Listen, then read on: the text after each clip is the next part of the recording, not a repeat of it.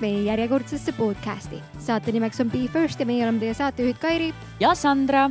antud podcastis räägime me inimestega, kes on Be First mentaliteediga, tehes kõike oma elus täiskäigul, kartmata olla esimene olgu tegu sportlaste, ettevõtjate või muul moel maailma parandajatega. eesmärk on sukelduda nende inimeste mõttemaailma, kes loovad uusi normaalsusi ja suudavad saavutada uskumatuid tulemusi podcastis püüame aru saada, kuidas ka meie ehk siis tavainimesed saaksime nende kogemusi ja harjumusi oma elus rakendada paremate tulemuste saavutamiseks. meie tänases saates on tavapärase ühe külalise asemel mikrofonide taga lausa kaks. suure tõenäosusega pole Eesti fitnessmaastikul mitte ühtegi inimest, kes ei teaks perekonnanime Kiivikas. seetõttu otsustasime me kõik oma võlud ja tugevused mängu panna ning kahekordistasime panuseid. täna on meil saates külas võimas paarisrakend fitnessmaailmast Amani ja Ott Kiivikas. ja tänases saates räägime me nendega kulturismi kohta levivatest müütidest. räägime sellest, kuidas mitte dieeti teha ja kuidas leida üles see müstiline trenni motivatsioon no mina ootan seda podcast'i küll juba väga, sest me vist võime öelda, et see on üks rekord podcast. pikkuse mõttes ja informatsiooni intensiivsuse mõttes ka. pange käed kokku, tere tulemast, Amani Ott Kiivika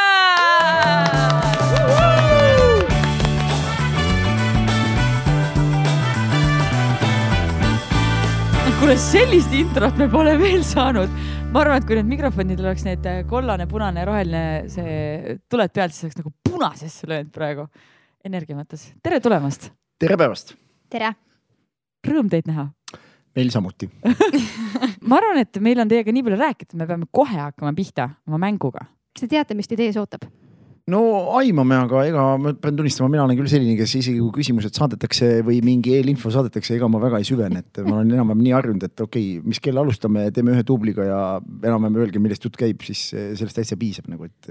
seda ma võin küll kinnitada, olen mitmeid kordi Otti filminud, iga jumala kord üks duubel tegelikult? Ott, ma pean, ma pean su juurde tulema õppima päriselt ka. tõenäoliselt küll, ma pean selle oma selle kooli avama, selle pealkiri ongi võib-olla see ühe duubliga või, või mis. Oti koolitused on olemas ju. ei, see on olemas jah nii, aga mäng on meil tegelikult lihtne. Äh, me, juhuks kui on mõni uus kuulaja, siis ma igaks juhuks räägin ikkagi taustainfo ka ära, et äh, mäng on minu esimeste mäng. meie alustame lauset ja teie lõpetate. Mhm. -huh. ja teeme niimoodi, et kõigepealt vastab Ott, siis uh -huh. Amai ja mhm. -huh. siis vastupidi, onju. Mhm. nii et äh, kõige esimene küsimus kohe, esimene õnnestumine meenub tuhat üheksasada kaheksakümmend kolm ümber Viljandi Paalajärve jooks, mille ma võitsin nii et äh, see oli päris kindlasti ja, ja kusjuures, kui ma, sa saatsid selle küsimuse, kus ma tookord mõtlesin selle peale, mul ei olnud absoluutselt mitte midagi meeles nagu. Ja täna esimene asi kohe paugust, mis mul tuli, esimene sihuke suur õnnestumine oli tõesti ja kusjuures ega kui ma ka vaatasin natuke, piilusin neid äh, küsimusi, kui te saatsite ja nüüd, kui sina ütlesid, et sul oli Paalajärve jooks, siis mul tuli nagu ette, et kuidas ma lasteaias ümber selle roosa, mul oli roosa lasteaed on ju, ja kuidas ma ümber selle jooksin ja mul on see diplom siiamaani, mul on meeles, kuidas ma seda diplomit hoian käes nagu. no ma ei tea, kas ma sain selle esimese või teise koha, aga lihtsalt mul nagu tuli see seos tuli nagu automaatselt sellega. koht ei olegi oluline, tehtud sai. ja tehtud sai huvitav, kuidas te siis nagu fitness inimesed said, kui nagu jooksud olid esimesed sellised suured jah, ega ma pean tunnistama, ma jooksnud olin suhteliselt hea lapsena ja selline kestvusalad sobisid väga hästi, sest ega ma ju kõigepealt mängisin ju korvpalli ja käsipalli ja noh, ega seal pead ju jooksma üksjagu nagu. nii, aga lähme edasi, mis teil sealt tuleb mis, mis? mulle juba meeldib see podcast nii, esimene läbikukkumine ma arvan, et see võis olla äkki kooliga midagi seotud, kus võib-olla tulid esimesed mingisugused sellised hinded, mida ma väga ei oodanud, nagu. Ma millegipärast arvan, ma, ma isegi seostuks rohkem spordiga seda asja, ma arvan, et ikkagi või läbikukkumine, see võib olla ka äkki mingi, mingi negatiivne kogemus, kus mm, no mis lõpeb mingi pahandusega äkki või, või mida te selle all silmas peate, noh te, te.... mis sul endal. kus sa ise tunnetad, et kurja no, see läks aia taha? aia taha läks, võib-olla see oli varem, ma arvan, ma isegi ei tea, kui vana ma olin, aga tõenäoliselt ikkagi alla, alla, alla kooliealine, ma pakun välja. ja siis juhtus selline asi, et meil olid sellised, meil oli selline soojamüür oli kodus, kirjeldan seda eluloo raamatus Visa ka seda episoodi, aga ma arvan, seda ei ole paljud spordilembelised inimesed veel lugenud, aga see on üks episood sealt. kus meil oli siis soojamüür, noh, võib ette kujutada eespoolt, et tule sisse ja tagumine müür läheb soojaks ja seal olid sellised ilusad noh, sellised vaata siibrid, kus saad välja tõmmata, aga need olid sellised metallsed ja ümarad mitte osad on sellised teravad, mille sa torkad sisse, tõmbad välja siiber, et noh, saaks see nii-öelda toss seal sees liikuda ja vajadusel tõmbasid kinni, et soe välja läheks, eks ole. no seal olid sellised ümmargused ja need olid sellisest läikivast äh,, läikivast siis materjalist äh, ja millegipärast ma ei tea, miks mul see pähe tuli, aga mul oli selline tunne, et need ei tohi olla ilusad kaarjad ja ma võtsin need välja ja ma peksin need ja ma peksin need haamriga noh lapikuks sest noh, neil olid ilusad sellised ovaalsed kandid olid nagu sees, noh nii nagu need tööstuslikult tehtud olid. ja ma mäletan ema nägu, kui see tuli nagu koju ja saad aru, sul on noh, tegelikult ilus sein, eks ole, saad aru, mingi tüüp on võtnud haamri ja peksnud, saad aru, need eh, kaared, eks ole, kõik nagu lapikuks. ma arvan, et see oli võib-olla sihuke suurem läbikukkumine, kuigi ma peale seda lõpetasin ehituskooli, nagu enamus inimesed teadsid. ja minust sai tegelikult püürs, puussepp, müürsepp betoneerija, nii et eh, võib-olla oli see lihtsalt selline alge juba minus nagu varasemana olemas, jah et läbikukkumistest teha endale õnnestumisi? jah, et ma nagu võtsin õppust ja pärast ma ikkagi ehitasin nii lautu kui, kui igasuguseid Tallinnas esimene töö, kusjuures kui ma tulin, oli üheksakümne seitsmendal aastal oli tegelikult maja välisviimistlusi tegin üksinda laagris, kus ma praegu kusjuures wow. teisel pool teed elan. et ja ellujäämiseks oli hea oskus, mida ma sain teha, kusjuures äh, laagris käisin linnaliini bussiga Muugal tööl, noh, et tänapäeval, kes vähegi siin bussiinimesed on, siis äh, jõudu iga päev kaks pool tundi linnaliini. Paides nagu Tallinnas. umbes nii, Ami, aga mis sinul on, räägi äh, minu sihuke kõige eredam, ma arvan, läbikukkumine, sihuke klassikaline oli põhikooli matemaatikaeksam, kui ma selle läbi kukkusin ja oi seda nuttu ja siukest äh, oli nagu küllaga, aga pärast järeleksamil sain nelja, nii et äh, võib-olla see oligi sihuke hea noh, hea noh, selles mõttes, et ma sain uuesti mingeid asju nagu enda jaoks läbi teha, et äh, aga see õpetas mind nagu inimesena emotsionaalselt ka väga palju, aga jah, see oli see, mis mul nagu tuli sihuke negatiivsem kogemus aga mis sul siis juhtus, kas närvid oli või ettevalmistus või? no ettevalmistus ja kindlasti ka nagu ongi see närvid, et ikkagi, kui seal nagu pilt nagu nii-öelda mustaks läheb ja kinni, kinni kiilub, siis, siis on nagu okei okay,, võid põhimõtteliselt selle pastaga käest panna, et seal midagi nagu noh, oleks see, et tead, ma ei tea, okei okay,, eesti keeles või jah, ongi okei okay, eesti keele eksamil näiteks, et sa saad midagi tuletada või mingid valikuvariandid, aga noh, seal on niimoodi, et no kui sa valemit ei tea, siis sorry, aga sa ei saa seda ülesannet teha ja mingi umbes, et äkki läks õigesti see vastus, et no seal on ikka väga konkreetsed reeglid, on ju.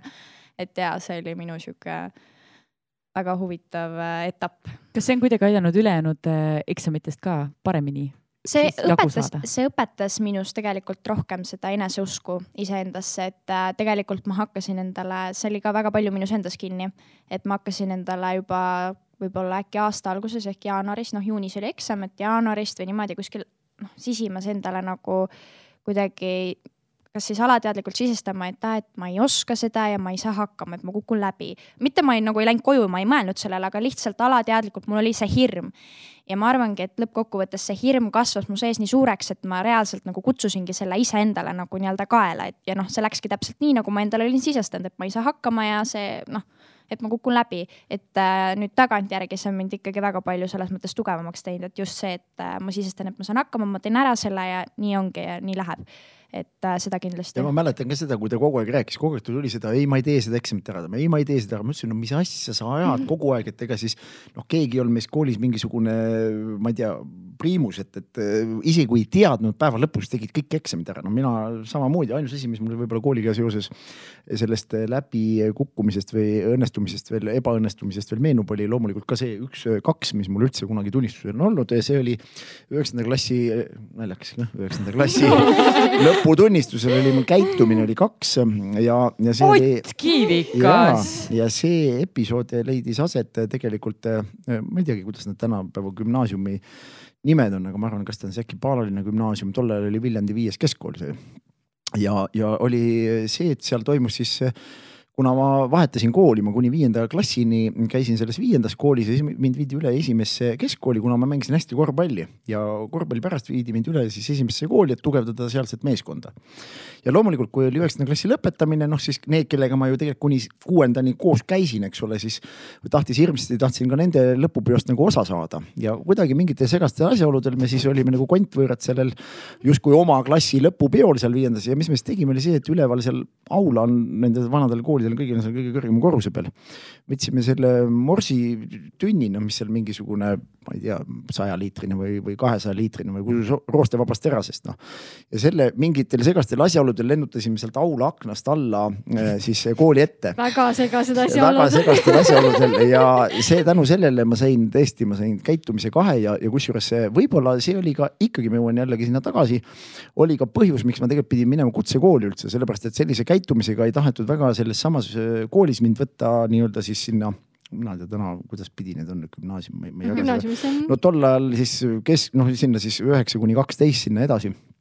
ja, ja ma pidingi minema siis kutsekooli, noh kus ma siis nii-öelda need ehitus nii et ta tegelikult aitas tegelikult suunata, see ehituspisik, mis mul juba lapsena oli, mida ma rääkisin, et see sai nagu jätku ja kinnitust, et tänu sellele nii-öelda ebaõnnestumisele tegelikult ma sain ikkagi endale mingisuguse elukutse, muidugi, mida ma suuresti pole väga palju kasutanud aga see on aga väga äge, et väga paljud toovad välja, et läbikukkumine on tegelikult viinud neid elus kuhugile edasi sinna, kus nad minema on pidanud. Ott, ma just tahan öelda, et sa ehitad jätkuvalt, aga sa ehitad kehasid. jah, ja tõsi ta on, tõsi ta on. aga meil on vaja selle mänguga ka edasi minna meie kolmas küsimus on esimene asi, mida hommikul teed?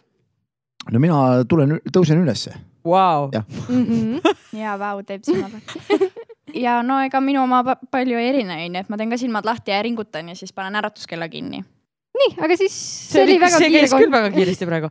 Äh, esimene Instagrami postitus äh, minul oli see, ma arvan, et kaks tuhat kuusteist, ega ei olnudki varem, nii et äh, ma arvan nüüd neli aastat tagasi. mis seal oli peal? mul kusjuures see pilt on tegelikult meeles, seal oli peal minu mäletamist mööda mu väiksem tütar Emilia mm -hmm. ja tol ajal äh, veel nii-öelda siis eksabikaasa, ma pakun välja, et see oli kolmekesi tehtud pilt, mille ma vist Amani või ma ei tea, äkki aitasid isegi ise üles panna, ma ei jaganud seda värki üldse, ma ei saanud üldse aru, mis Instagram üldse on. see oli veel Reval spordiklubi ees tehtud. see Reval spordiklubi ees tehtud pilt oli see, täpselt ma mäletan seda pilti ka, nii et, et see oli esimene pilt jah no minul oli Instagram tunduvalt varem ja, aga kuna mul on nagu mitu kontot olnud, siis ma ei mäleta, mis see konkreetselt see esimene pilt oli aga ma tean, et mu esimese, ma, ma ütlen, mis mu esimene Instagrami nimi oli no,. koogike üks, kaks, kolm moosiga oli mu esimene, nii et võite ise järeldada, mis pilte ma siin üles panin nagu. koogike üks, kaks, kolm moosiga või? oli mu esimene nimi nagu. ma just tahtsin küsida, et miks sul nagu mitu kontot on, aga ma nüüd ma saan aru ja et see oli jah, ja noh, eks ma arvan, ma kujutan ette, et see oli mingi mega, kas mingi selfie, millel oli kindlasti mingi sada filtrit peale pandud mm. ja kindlasti mingid raamid, mis olid siis moes ja no mingi sihuke, mhm, onju oh, olid ajad, olid ajad koogike moosiga üks, kaks, kolm moosiga praegu see keegi väga hea idee, ma ei tea, see siiamaani on võib-olla ära võetud või kasutusel. kõik uus on ära unustatud vana, ma arvan. ma arvan, et siin on praegu keegi hakkab kribama kohe vaadata, kas see on nüüd veel alles see nimi, et panna endale see. nii, aga järgmine küsimus on esimene tätoveering. ei ole olnud ja, ja tõenäoliselt ei, ei ole plaanis teha ka. aga kui sa peaksid tegema? Ma ütlen ausalt, ma ei, ei kujuta ennast seda tegemast, sellepärast et kui selles vanuses inimene, nagu mina juba olen, ei ole seda teinud, kuigi ma olen näinud ka härrasid, kes selles vanuses on alles hakanud tegema ja naljakas on see, et ma saan aru, et nii kui see üks on ära tehtud, siis enam pidama ei saa mm. -hmm. seal on nii, et äh, varsti on nii, et küsid, kus on vaba koht, noh, et seal. aga nagu... see on põhjus, miks sa võib-olla ei taha teha, et äkki võib-olla ka, äkki on ja täpselt nii ongi. kas teie spordialal pigem... üldse on?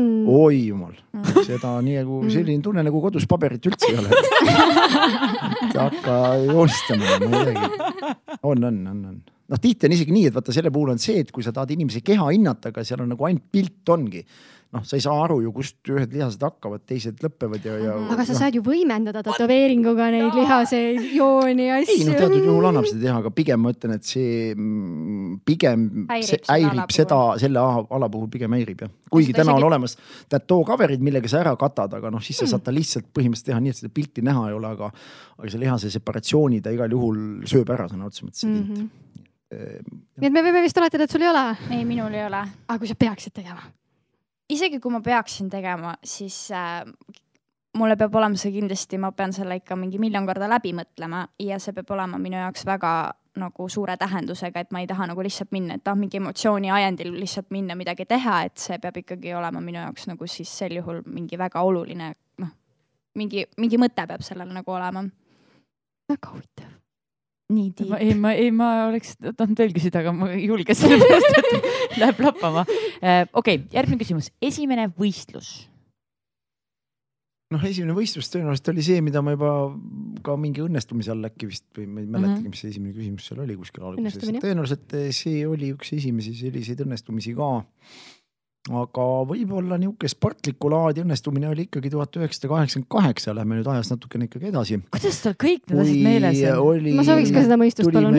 Eesti noortemeistriks korvpallis tol ajal Viljandi võistkonnaga, et see oli, ma arvan, selline tõesti esimene suurem nagu võit, et ikkagi väikse, väike linn ju ja, ja Eesti meistriks oma vanuseklassiski tulla, ega see ei olnud lihtne tegemine, nii et ma arvan, et see oli sihuke, mis on nagu meeles ja mul, mis mul meenub, on, kui ma käisin iluvõimlemas see kõlab nii nagu veidralt, et ma olen iluvõimlemas käinud, sest ma nagu, mul on null painduvust ja ma sain seal veel medali, mingi teise, ma vist sain teise koha ja see oli selle eest, vaata, tead, kuidas pesa tehakse, vaata niimoodi, et sa oled nagu ja, tagant ööd. mingi sellise asja eest ma sain nagu seal mingi auhinna, et nagu jah tagantjärgi nii nagu veider mõelda. aga miks sa iluvõimlemisse läksid, kui sul painduvust? Äh, no ma ei tea, mõtlesin, no ma olin tegelikult nii noor, et vaata siis tegelikult ilmselt, kui ma oleks sellega nagu tegelenud rohkem, et siis äh, noh, mul oleks võimalust nagu nii-öelda seda painduvust endas nagu edasi arendada, aga jah, see kuidagi jäi, sain aru, et ikka pole minu ala nagu aga vähemalt sain proovida. ja isegi medali. sain mingid medalid, mul on kaks medalit iluvõimlemisest nagu selle jaoks lapsepõlv ongi, saab kõik spordialad järgi proovida. nii, aga me jõuame nüüd minu kõige lemmiku küsimuseni ja see on äh, esimene lemmikloom esimene lemmikloom oli koer Sallu, äh, musta karva selline crunch. Crunch? ja, ja, ta ei. väga graatsiline crunch. tundmatu tõug, aga must koer Sallu, see on selgelt meeles ja eredalt. hiljem tuli väga palju loomi, aga Sallu on esimene jah. Sallu me panime veel kelgu ette, Sallu oli selles mõttes nagu kelgukoer, et talle meeldis autode peale haukuda ja me kasutasime seda väga selgelt oma selle tänava peal ära. kui me sättisime kelguga ennast Sallu järgi noh, niimoodi rakmete külge, siis nii kui auto läks, nii ta hullu minema pani ja me olime sellega, saime sõitu noh, et see oli selline mälestus. see oli ikka väga suur koer. Ei, ta ei olnud naljakas üldse suur koer, aga see ütleme väga kõvade hobujõududega, et vahest ei peagi masin olema väga suur, aga hobujõude seal kapoti all on kõvasti. et Saljuga oli sama lugu. ja minul oli vist äh, valge kass nimega Poiss, nii originaalne onju, et nagu ei teadnud. oli ta ikka nagu, poiss või? ja, ja et nagu, et ma ei tea jah, kes selle nime peale tuli, aga jah, valge kass, Siiami kass oli ta vist või? ja oli jah. ja valge karv. ta oli Angora kass ja ah, okay. valge Angora, sellel on hästi palju karvu, oli vist nii, eks ole. sest ja. Eh, need Siiami kassid, need on hoopis teistsugused ja nad ei ole nii pikakarvalised ah.. Need on kurjad ja, ja kurjad võivad ka olla yeah., meil oli Nancy ah., kunagi oli selline kass meil ka Nancy oli Siiami kass olemas, aga see oli enne seda, kui sina sündisid. aga temal oli see, et, et äh, see, see Nancy Reagani järgi sai nime, vaata Ronald Reagani naine oli Nancy ja siis ma ei teagi, mingil segastel asjaoludel jällegi. jälle see on mingi lemmiksõna. pugesta, pugesta meie Nõukogude televaatajate hinge, ma ei tea, ju seal oli mingisugune Gorbatšovi ja Reagani kohtumine, siis mõtlesime, jumala äge oleks Nancy panna. noh, hiljem ju tuli Nancy lauljana ka nii-öelda orbiiti. aga praegu on ka teil lemmikloomad? Äh, minul endal nüüd ei ole, küll meie kodus on, meil on väikene selline kääbus hamster Triksi, kes jookseb rattas, ma arvan, rohkem läbi kui isegi see triatloni mees, Ratassepp, ma arvan küll, et, et Triksi perekonnanimi võiks Ratassepp olla, sellepärast tal on see ratas on nagu pöördes ja ta jookseb, kuigi seda peab õlitama kogu aeg, sest see hakkab kriuksuma ta tõstetakse eraldi tuppa, sest temaga ühes samas toas ei ole võimalik viibida, sellepärast et ta viibib selles rattas noh, nii intensiivselt ja nii kaua, et, et öösel lihtsalt keegi ei maga, ta on ööloom, öösel nii kui pimedaks läheb, nii ta kukub ketrama nii et see on praegu, aga, aga Ammil on küll seal üksjagu loomi. oi, minul on ja, mul on sihuke minu pere ja muud loomad, et äh, noh, nüüd koerad elavad mul maal, aga muidu mul on kaks Huskit, Zeus ja Afrodite ja sinisilmadega ja siia me jääme. kõik pildid siia, palun. ja et nad on siuksed parajad nunnumeetrid ja siis on, äh, aga linnas elab mul minuga kass Seeser ja siis on äh, ja siis mul käivad näiteks oravad käivad rõdul ja mul on niimoodi, et ma panen neile pähkleid. Siis nad tulevad. Chip ja Dale. ja ühe nime, ühe nimeks ma panin Poseidon, sest ma kuulen kohe, kui ta alati tuleb, igale hommikul ta tuleb, ma hakkan hommikul sööma putru ja siis tema tuleb ka sinna akna taha ja ta, kusjuures ta ei lähe ära, ta nagu vaatabki niimoodi, et ta paneb käed nagu akna peale niimoodi, et nagu anna mulle neid pähkleid nagu, mida sa istud siin. annad siis ikka? ja, ja siis ma noh, siis ma pean ennast püsti ajama ja andma nagu ja siis äh, kusjuures ja siis tegid veel tuvid tegid pesa ja nüüd on mul mingid mm. tuvipojad, nüüd nad on suureks kasvanud, aga no ma räägin, et nad ise tulevad mu juurde, et see on nii nunnu tegelikult. Mustamäe korteris, siis ma olen seal niimoodi, vaatan neid akna taga ja valge ja hall tuvi nii et mul on loomi okei okay. no, palju edu, rohkem ma ei oska midagi öelda. meil on kaks viimast küsimust. esimene armumine. ma arvan, et see oli lasteaias ja pikkade patsidega tüdruk Terje oli tema. et kui Terje meid kuuleb, siis tervitused ka talle, küllap ta ära tunneb, kellest jutt käib, nii et ma arvan, et see oli esimene selline jah, mida võib nimetada armumiseks. tervitused Terjele. Minul vist oli ka ikkagi lasteaias Ott. oi, seda, ma arvan, et mu kõik tuttavad reaalselt teavad seda. ja ma vahetasin isegi elukoha pärast, ma vahetasin lasteaeda ja mul tuli seal lasteaias selline stress peale, et ma läksin lasteaiast koju ja ma rääkisin kogu aeg, et ma tahan vanasse lasteaeda tagasi minna, ma tahan Oti juurde tagasi minna. ma tahan oma kasvatajaid, ma tahan oma nagu, aga ja, et see Ott oli nagu sihuke väga nagu täiesti juhuslikult Täiesti. isa nime kandja poiss. esimene armumine. aga ma ei olegi nii mõelnud. aga öeldakse ju, et tütred valivad isa järgi mehi. jaa, issand jumal. ja on aeg meie kõige viimaseks küsimuseks äh, selles mängus. esimene kord, kui tundsid endale mega suurt uhkust. Oi,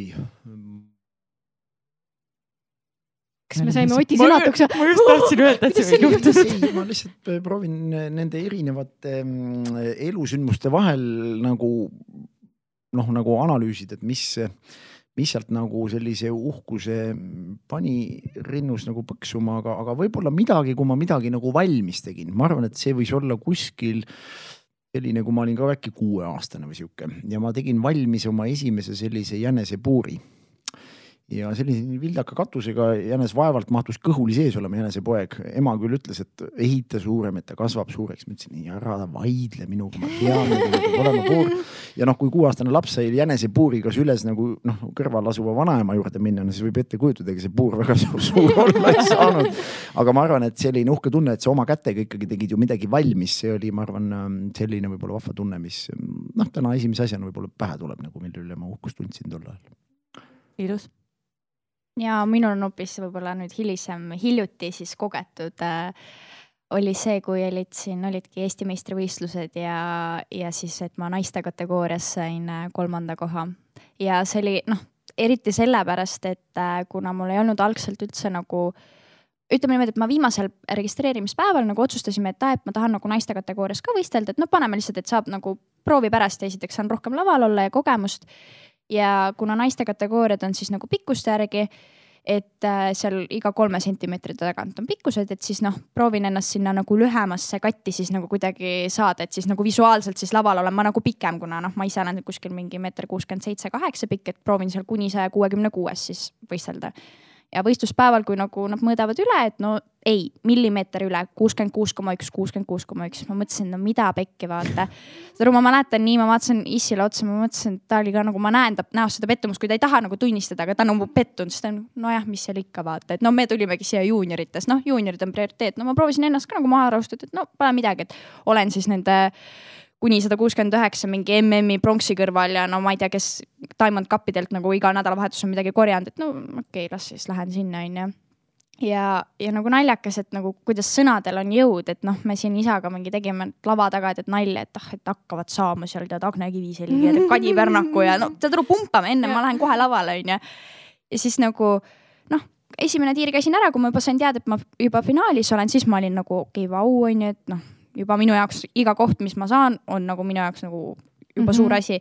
ja siis, kui järjest hõigati autasustamisel välja see kuues koht, viies koht, neljas koht ja kui ma sain aru, et ma olen nagu kolme parima sees, vot siis mul oli küll sihuke šokiseisund, et ma mõtlesin nagu mida asja, et nagu noh, et see nagu tõesti noh, ma räägin, et okei okay,, ma juuniorites sain nagu kulla, et see on muidugi minu jaoks ka oluline, aga just see, mida ma ei olnud oodanud nagu absoluutselt, ma läksin nagu nullootusega sinna naiste kategooriasse viimase hetke otsus, et ja veel vales kategoorias, et nagu noh, selles mõttes see oli nagu kindlasti üks nagu väga vau hetk mu elus mul, mul tekkis selle jooksul juba nii palju küsimusi, et No nagu ma- ma ühe pean ära juuniorid, kategooriad, värgid, okei okay,, Kairi, küsi. ma tahan seda, kas teid iga jumala kord mõõdetakse üle? nagu no pikkust? võistlustel küll, tegelikult rahvusvahelisel võistlejal on olemas pass.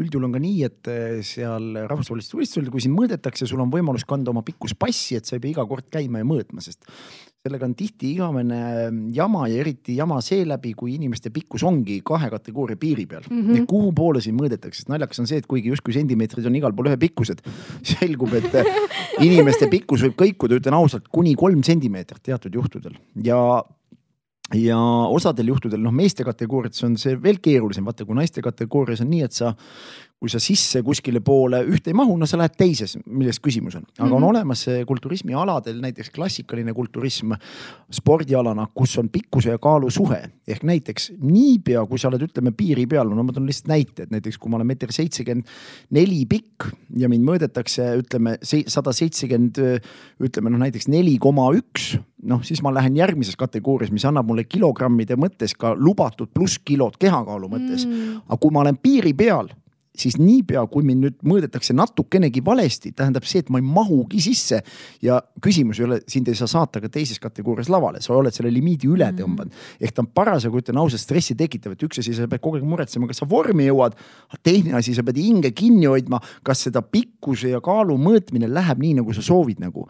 et see on äh, päris hull tegelikult, et kulturismis, kus mina võistlen, ütlen ausalt, noh, sa pead lihtsalt mahtuma numbriliselt kuhugi kategooriasse sisse ja sa võistled seal, kus sa oled, aga mitte nii, et põhimõtteliselt sulle öeldakse, aga klassikalise kulturismi see sisse ei mahu aga tekibki küsimus, kus sa siis võistled, ainus asi ongi see, et tihti tehakse sinna kulturismi kategooria külge, aga see ei ole enam sama võistlus mm. -hmm. et mhm. piltlikult öeldes näiteks maailmameistrivõistlusel, kui sa sisse ei mahu, tehakse sinna mingi maailmakarikas nii-öelda külge, kus siis need vennad, kes ei mahu kuhugi, lähevad ja võistlevad seal omaette, siis päris masendav tegelikult nii et see on selles mõttes on päris hull on see lugu jah, et, et seal on seda stressi olnud ja noh, sa näed lava taga, kuidas inimesi lihtsalt kätest, jalgadest tõmmatakse, neid venitatakse, et sa saada mingi kaks millimeetrit ja tihti ongi nii, et küsimus on, millise kahese sa ei saa lihtsalt seda inimest kuidagipidi pikemaks noh. aga kui sa, ma ei tea, mõnel hetkel oledki, seisad seina ääres ja lükkad natuke ennast ülespoole, siis. ei no see tundubki kõik, aga kui inimene ongi juba nii venitatult, ongi ütleme seal sada kaheksakümmend koma null, noh, aga ta tahab saada ühe milli või kaks mhm. juurde, naljakas, see kuskilt ei venita seda juurdepoole ka noh, siis sul tekib alati tunne, et noh, natukene kergitakse kannast ülespoole ju. sulle pannakse talla alla pannakse paber, saad aru, ja siis tõmmatakse, no ta tuleb ju muidu ülesse see kõik sihuke pull, ega seal on, kõik on läbi mõõdetud, ega seal on seda pettemist on olnud üksjagu noh. teine asi loomulikult nagu öeldakse, Jamanite näite, mõõdetakse lühemaks. noh, seda lühemaks mõõta on suhteliselt kergem. piisab sellest, kui sa selja nõgususe lased yeah. ettepoole läbi, sa tuled mingi kaks senti allapoole nagu ludin noh. aga isegi seal on ka kuskil piir, noh siis sa seisadki seal enam-vähem selline juba, et noh no, no. ma olen väga aru, hea sillas, siis ja, nagu, kas nad lubavad? ei no päris nii ei ole, no sul ikkagi lõpuks ongi, hakatakse kätt selja taha panema mm. -hmm. no sa vaatad, kas käsi on, mahub vahele. aga teil on ju kõigil seljal päris korralik kaar taga ju, kes kulturismiga tegelevad. no üldjuhul, üldjuhul on, aga, aga noh, ma ütlen, et eks seal võib tunduda nagu see asi kuidagi, et, et see on lihtne, loogiline, aga, aga noh, neid probleeme tuleb kogu aeg ette ja, ja seda mööda mõõtmist, varrutamist, seda mm, -hmm. seda ka aga päeva lõpus võidab niikuinii kõige tugevam, nii et ei ole vahet. ma olen alati kujutanud, ei ole mõtet nagu väristada, et lähed seal, kus on ja, ja kui, kui võidad, siis võidad, noh, ega mis seal ikka. Nonii, meie esimeste mäng on äh, lõppenud. lihtsalt ja loogiliselt lõppenud alles on mäng lõppenud. pool podcast'i on tehtud põhimõtteliselt. nüüd me alustame podcast'i alguse osaga meie kuulajate seas on kindlasti väga palju inimesi, kes ei tea üldse midagi fitness spordist või võib-olla isegi pole kuulnud millega on tegu äh, või näiteks teie näol, kes, kellega on tegu, kas te võib-olla räägite lihtsalt alguses, et kust sai alguse teie fitness sportlase karjäär? Ott no alguse sai tuhande üheksasaja üheksakümne kolmandal aastal, äh, kui ma esimest korda võistlesin Eesti meistrivõistlustel, loomulikult enne seda mind ka suunati sinna aga tol ajal, kui ma alustasin, oli tegelikult väga selgelt üks spordiala, selle asja nimi oligi kulturism ja ei olnud tol ajal ei fitnessi, ei body fitnessi, kõiki neid muid wellness'i ja jumal teab, palju neid täna on tulnud. aga oli üks spordiala ja võistlesid mehed, võistlesid naised ja lihtsalt olid erinevad kaalukategooriad. oli naistel kaks kaalukategooriat, meestel siis rohkem, eks ole, seal neli või viis kategooriat. kas see oli ainult Eestis või see oli? ei, see oli mujal, mujal pool ka, mujal pool ka ja, ja lihtsalt aja jooksul hakkas ala arenema, sest selge, et ta ei saanud nii laia kandepinda, noh, esiteks naiste kulturism lihtsalt liikus sinna, et naised päeva lõpus hakkasid nagu mehed välja nägema, eks ole, noh, see oli nagu üks põhjusi, miks, miks, miks neid muudatusi vaja oli ja jumal tänatud, et need omal ajal ka läksid sinna suunda, et tehti selliseid naiselikumaid spordialasid juurde.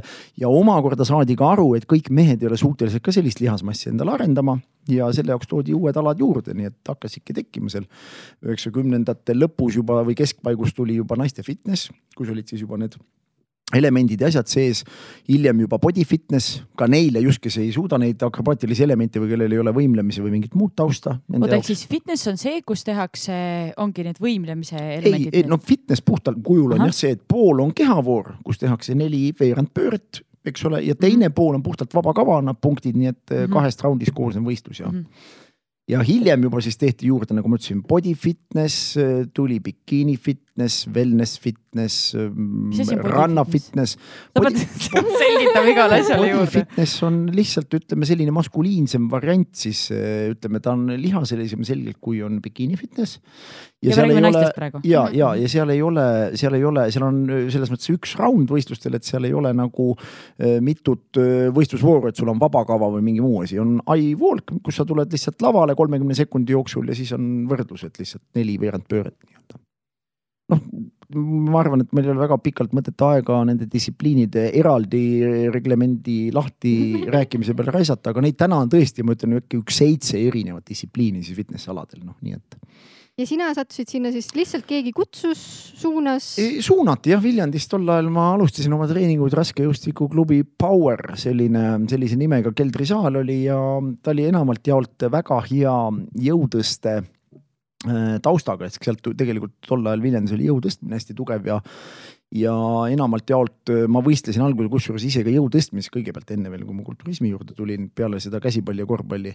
ja ma tulin ka jõu tõstmises kaks korda Eesti noorte meistriks, juunioride meistriks tegelikult, nii et äh, ja siis omakorda noh, kuna seal siis käis üks meesterahvas meil, Ruslan Tšekun oli ta, kes meil käis võistlemas nii-öelda, siis tema suunas mind ja kutsus, et kas sa ei taha tulla proovida ja kusjuures üheksakümne kolmandal aastal Viljandis ma ei käinud küll selle võistluse kohal, aga toimusid Eesti karikavõistlused ka kulturismis, aga ma nägin seda ühelt sahisevalt VHS kassetilt, noh üldse, mida seal tegema peab, sest ega ütlen ausalt, kui jõu tõstmine, noh, seda tehti ju meil klubis ja meil viidi ka Eesti meistrivõistlusi klubis läbi, siis ega kulturismis kui sellisest noh, polnud ju näinudki keegi, ainus asi, mida siis videokassettide pealt või kuskilt ajakirjast noh, mingisuguseid pilte nägid, et ega ei olnud väga suurt ettekujutust üldse, mis nagu tegema peab üldse.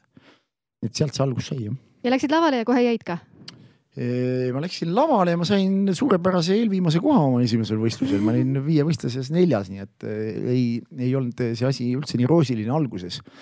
aga aja jooksul ma sain innustust ja eks vaikselt tulemused paranesid, nii et. nii, Amani, kuidas sina jõudsid?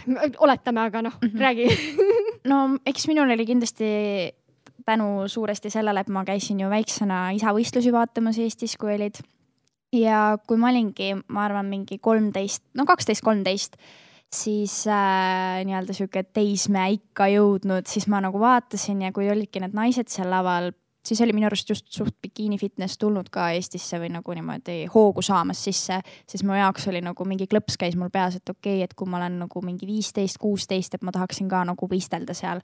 Et aga siis ma kohe muidugi ma ei läinud isa juurde, et aa, ma nüüd tahan võistelda, vaid see oli, see mõte oli mul nagu peas ja siis noh, hiljem, kui ma siis juba neliteist olin ja, ja see oligi see jõululaupäev, siis kui ma läksin isa, isa juurde ja ütlesin, et ma nagu tahaksin tulevikus võistelda bikiini fitnessis, et siis äh,, siis hakkasime nagu selle kallal töötama, aga jah, mul kuidagi, kuidagi ma vaatasin seda ja siis mulle nagu lihtsalt äh, nii meeldibki see, et selle ala puhul täpselt, et seal on nagu see raske töö ja sihuke nagu rutiin ja režiim on ju, aga samas seal on see ilu ja glam'i pool ka, et, äh, et see on nagu täpselt see, mis mulle nagu meeldib kas mingi vanusepiirang on ka, kust maalt võib alata? ja ongi kuusteist alates saab võistelda, et sellepärast võib-olla oli ka see, et nagu neliteist, et ma läksin, et noh, natuke on vaja ju lihast kasvatada, eks ole, et siis oligi täpselt see paras sihuke kolm aastat, noh, läks minul nüüd ikkagi aega, kuniks ma siis alles lavale jõudsin, et alguses ma pidin nagu kaks tuhat kaheksateist kevadel minema, aga siis äh, kuna mul oligi üheksanda klassi lõpetamine ja vaimselt oli juba pinge nii suur, et siis me jätsime nagu selle katki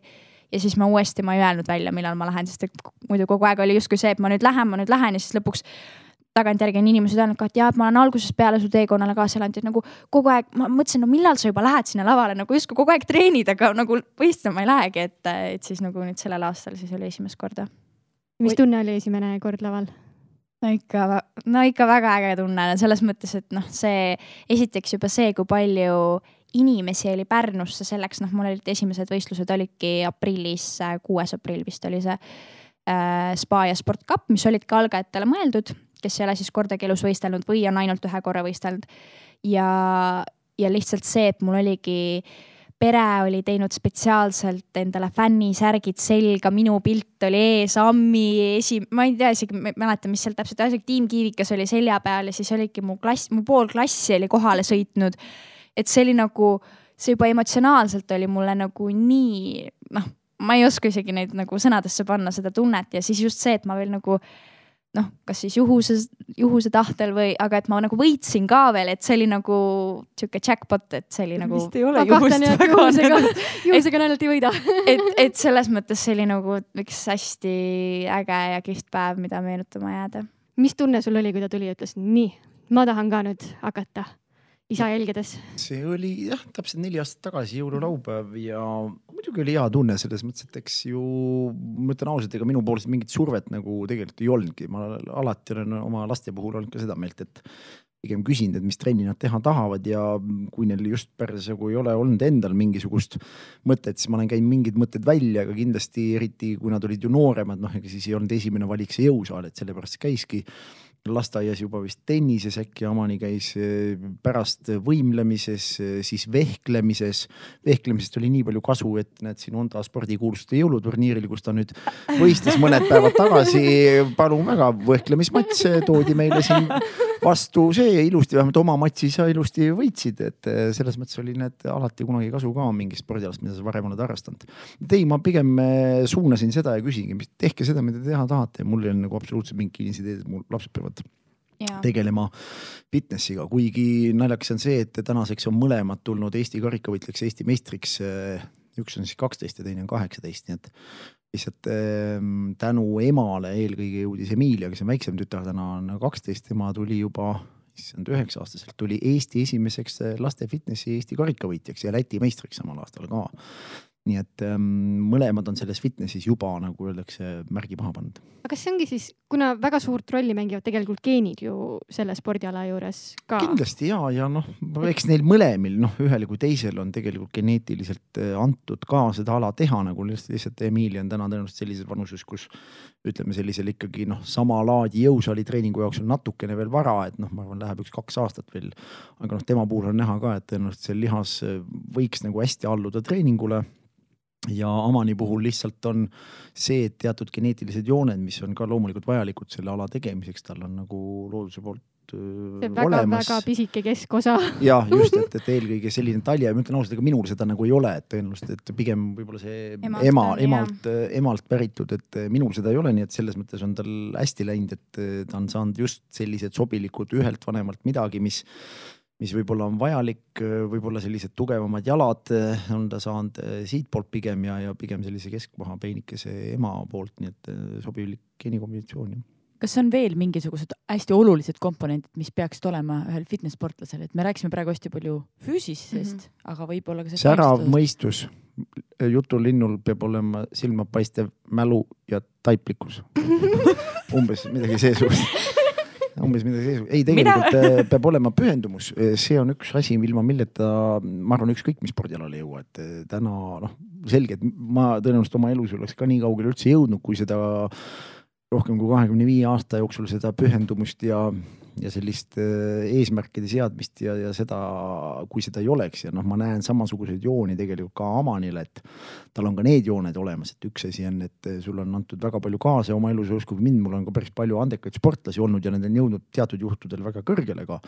küsimus on ikkagi selles, et ma küsin, kus need inimesed täna on et eh, paljud neist on ikkagi tänaseks juba ammu loobunud nagu, et eh, noh, selge, et meil on täna ka vara öelda omani põhjal, kui kaugel, kui kaua temal seda motivatsiooni jätkub ja noh, naistel üldse, kui, kui kaua seda jätkub, sellepärast et noh, meeste puhul on kuidagi see meestel paratamatult tuleb äh, mingil ajal lapsed sünnitada ja nii edasi ja nii edasi, on seal asju vahel, aga teatud juhtudel võib ka naisi tippspordis väga pikalt näha, ka fitness aladel. millal sul üldse see läbimurre tuli? Läbimurre tuli, ma arvan, et tuhande üheksasaja üheksakümne seitsmendal aastal, kui ma tegelikult tulin äh, Tallinnasse elama.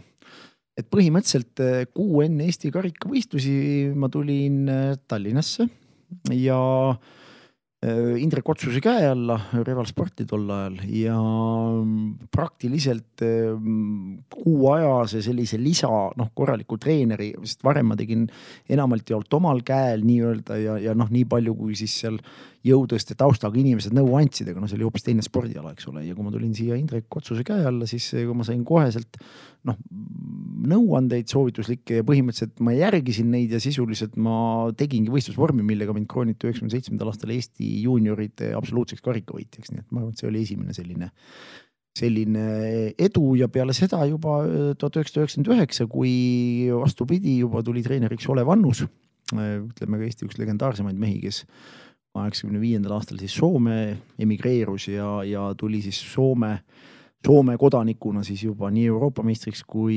maailmameistrivõistluste medalile, kui hiljem ka Mister Universumiks. nii et äh, Olevi käe all siis äh, kaks aastat hiljem ma tulin Eesti absoluutseks meistriks ja hoidsin seda tiitlit kuni tuhande üheksasaja või kahe tuhande kaheksateistkümnenda aastani, nii et kakskümmend aastat järjest. see on impressive kas äh, Amani puhul, kas te mõtlete selle peale, et millal võiks tulla sinu breakthrough? Ei no mulle meeldib see, mis äh, tegelikult issi mulle peale maailmameistrivõistlust, kus ma sain siis äh, viienda koha juuniorite maailmameistrivõistlustel. ütles, et ühelt poolt on nagu hästi tore jah, et nagu see, et äh, noh, nii nagu kõva koht ja niimoodi. aga ma olen iseenda jaoks selle lati nii kõrgele nüüd seadnud, et ega kui ma järgmisel sügisel võistlen, et siis ega noh, eesmärgiks tagasihoidlikult Eesti meistritiitlit kaitsta juuniorite kategoorias on ju, siis MM-il noh, võiks nagu ikkagi medali saada, et noh, et ma ei ole ju, ma ei ole sama õnnelik, kui ma jään finaalist välja näiteks MM-il, et kui ma olin viienda koha üle õnnelik, et noh. et siin on nagu, see on nagu täpselt, et igal mündil on kaks poolt, et ühelt poolt on muidugi tore ja et, et nii on nagu läinud, aga et see latt on üpris kõrgele seatud, et ma ise tahan ka ju ikkagi paremaks minna ja nii-öelda, nii-öelda uusi eesmärke siis äh, saavutada tundub äh, uskumatult keeruline spordiala, ma aeg-ajalt jälgin Youtube'is erinevaid fitness tegelasi, kes räägivad oma dieetidest ja asjadest ja see järjepidevus nii pika perioodi jooksul. mis sinu jaoks kõige raskem selle juures on ähm,? tegelikult nagu, kui ma iseenda nagu kogemust võtan, siis äh, mul on isegi päris hästi läinud, sest et äh, noh, isa on nagu mu kõrval hästi, kuna ta on ise nii palju ekstreemsusi läbi teinud ja kogenud, siis ta oskab väga head nõu mulle anda. ja tegelikult nii-öelda see dieet, see sõna mulle üldse ei meeldi, sellepärast et äh, ma söön täiesti normaalseid koguseid, ma, ma söön head ja maitsvat toitu. et äh, pigem see ongi, ma arvan, treenerites endas kinni või siis võistlejate enda peas, et nad teevad selle enda jaoks kuidagi hästi keeruliseks või noh, et see lähebki mingiks, ma ei tea, äärmuseks, et noh, ma ei tea, kas siis näljutamine või mingi ülesöömine, mingid söömis, mingid noh, mis iganes, et äh, selles mõttes, et kui ikkagi seda teha mõistlikult ja tasakaalus, noh, tasakaalukalt, et siis see ongi nagu minu jaoks elustiil.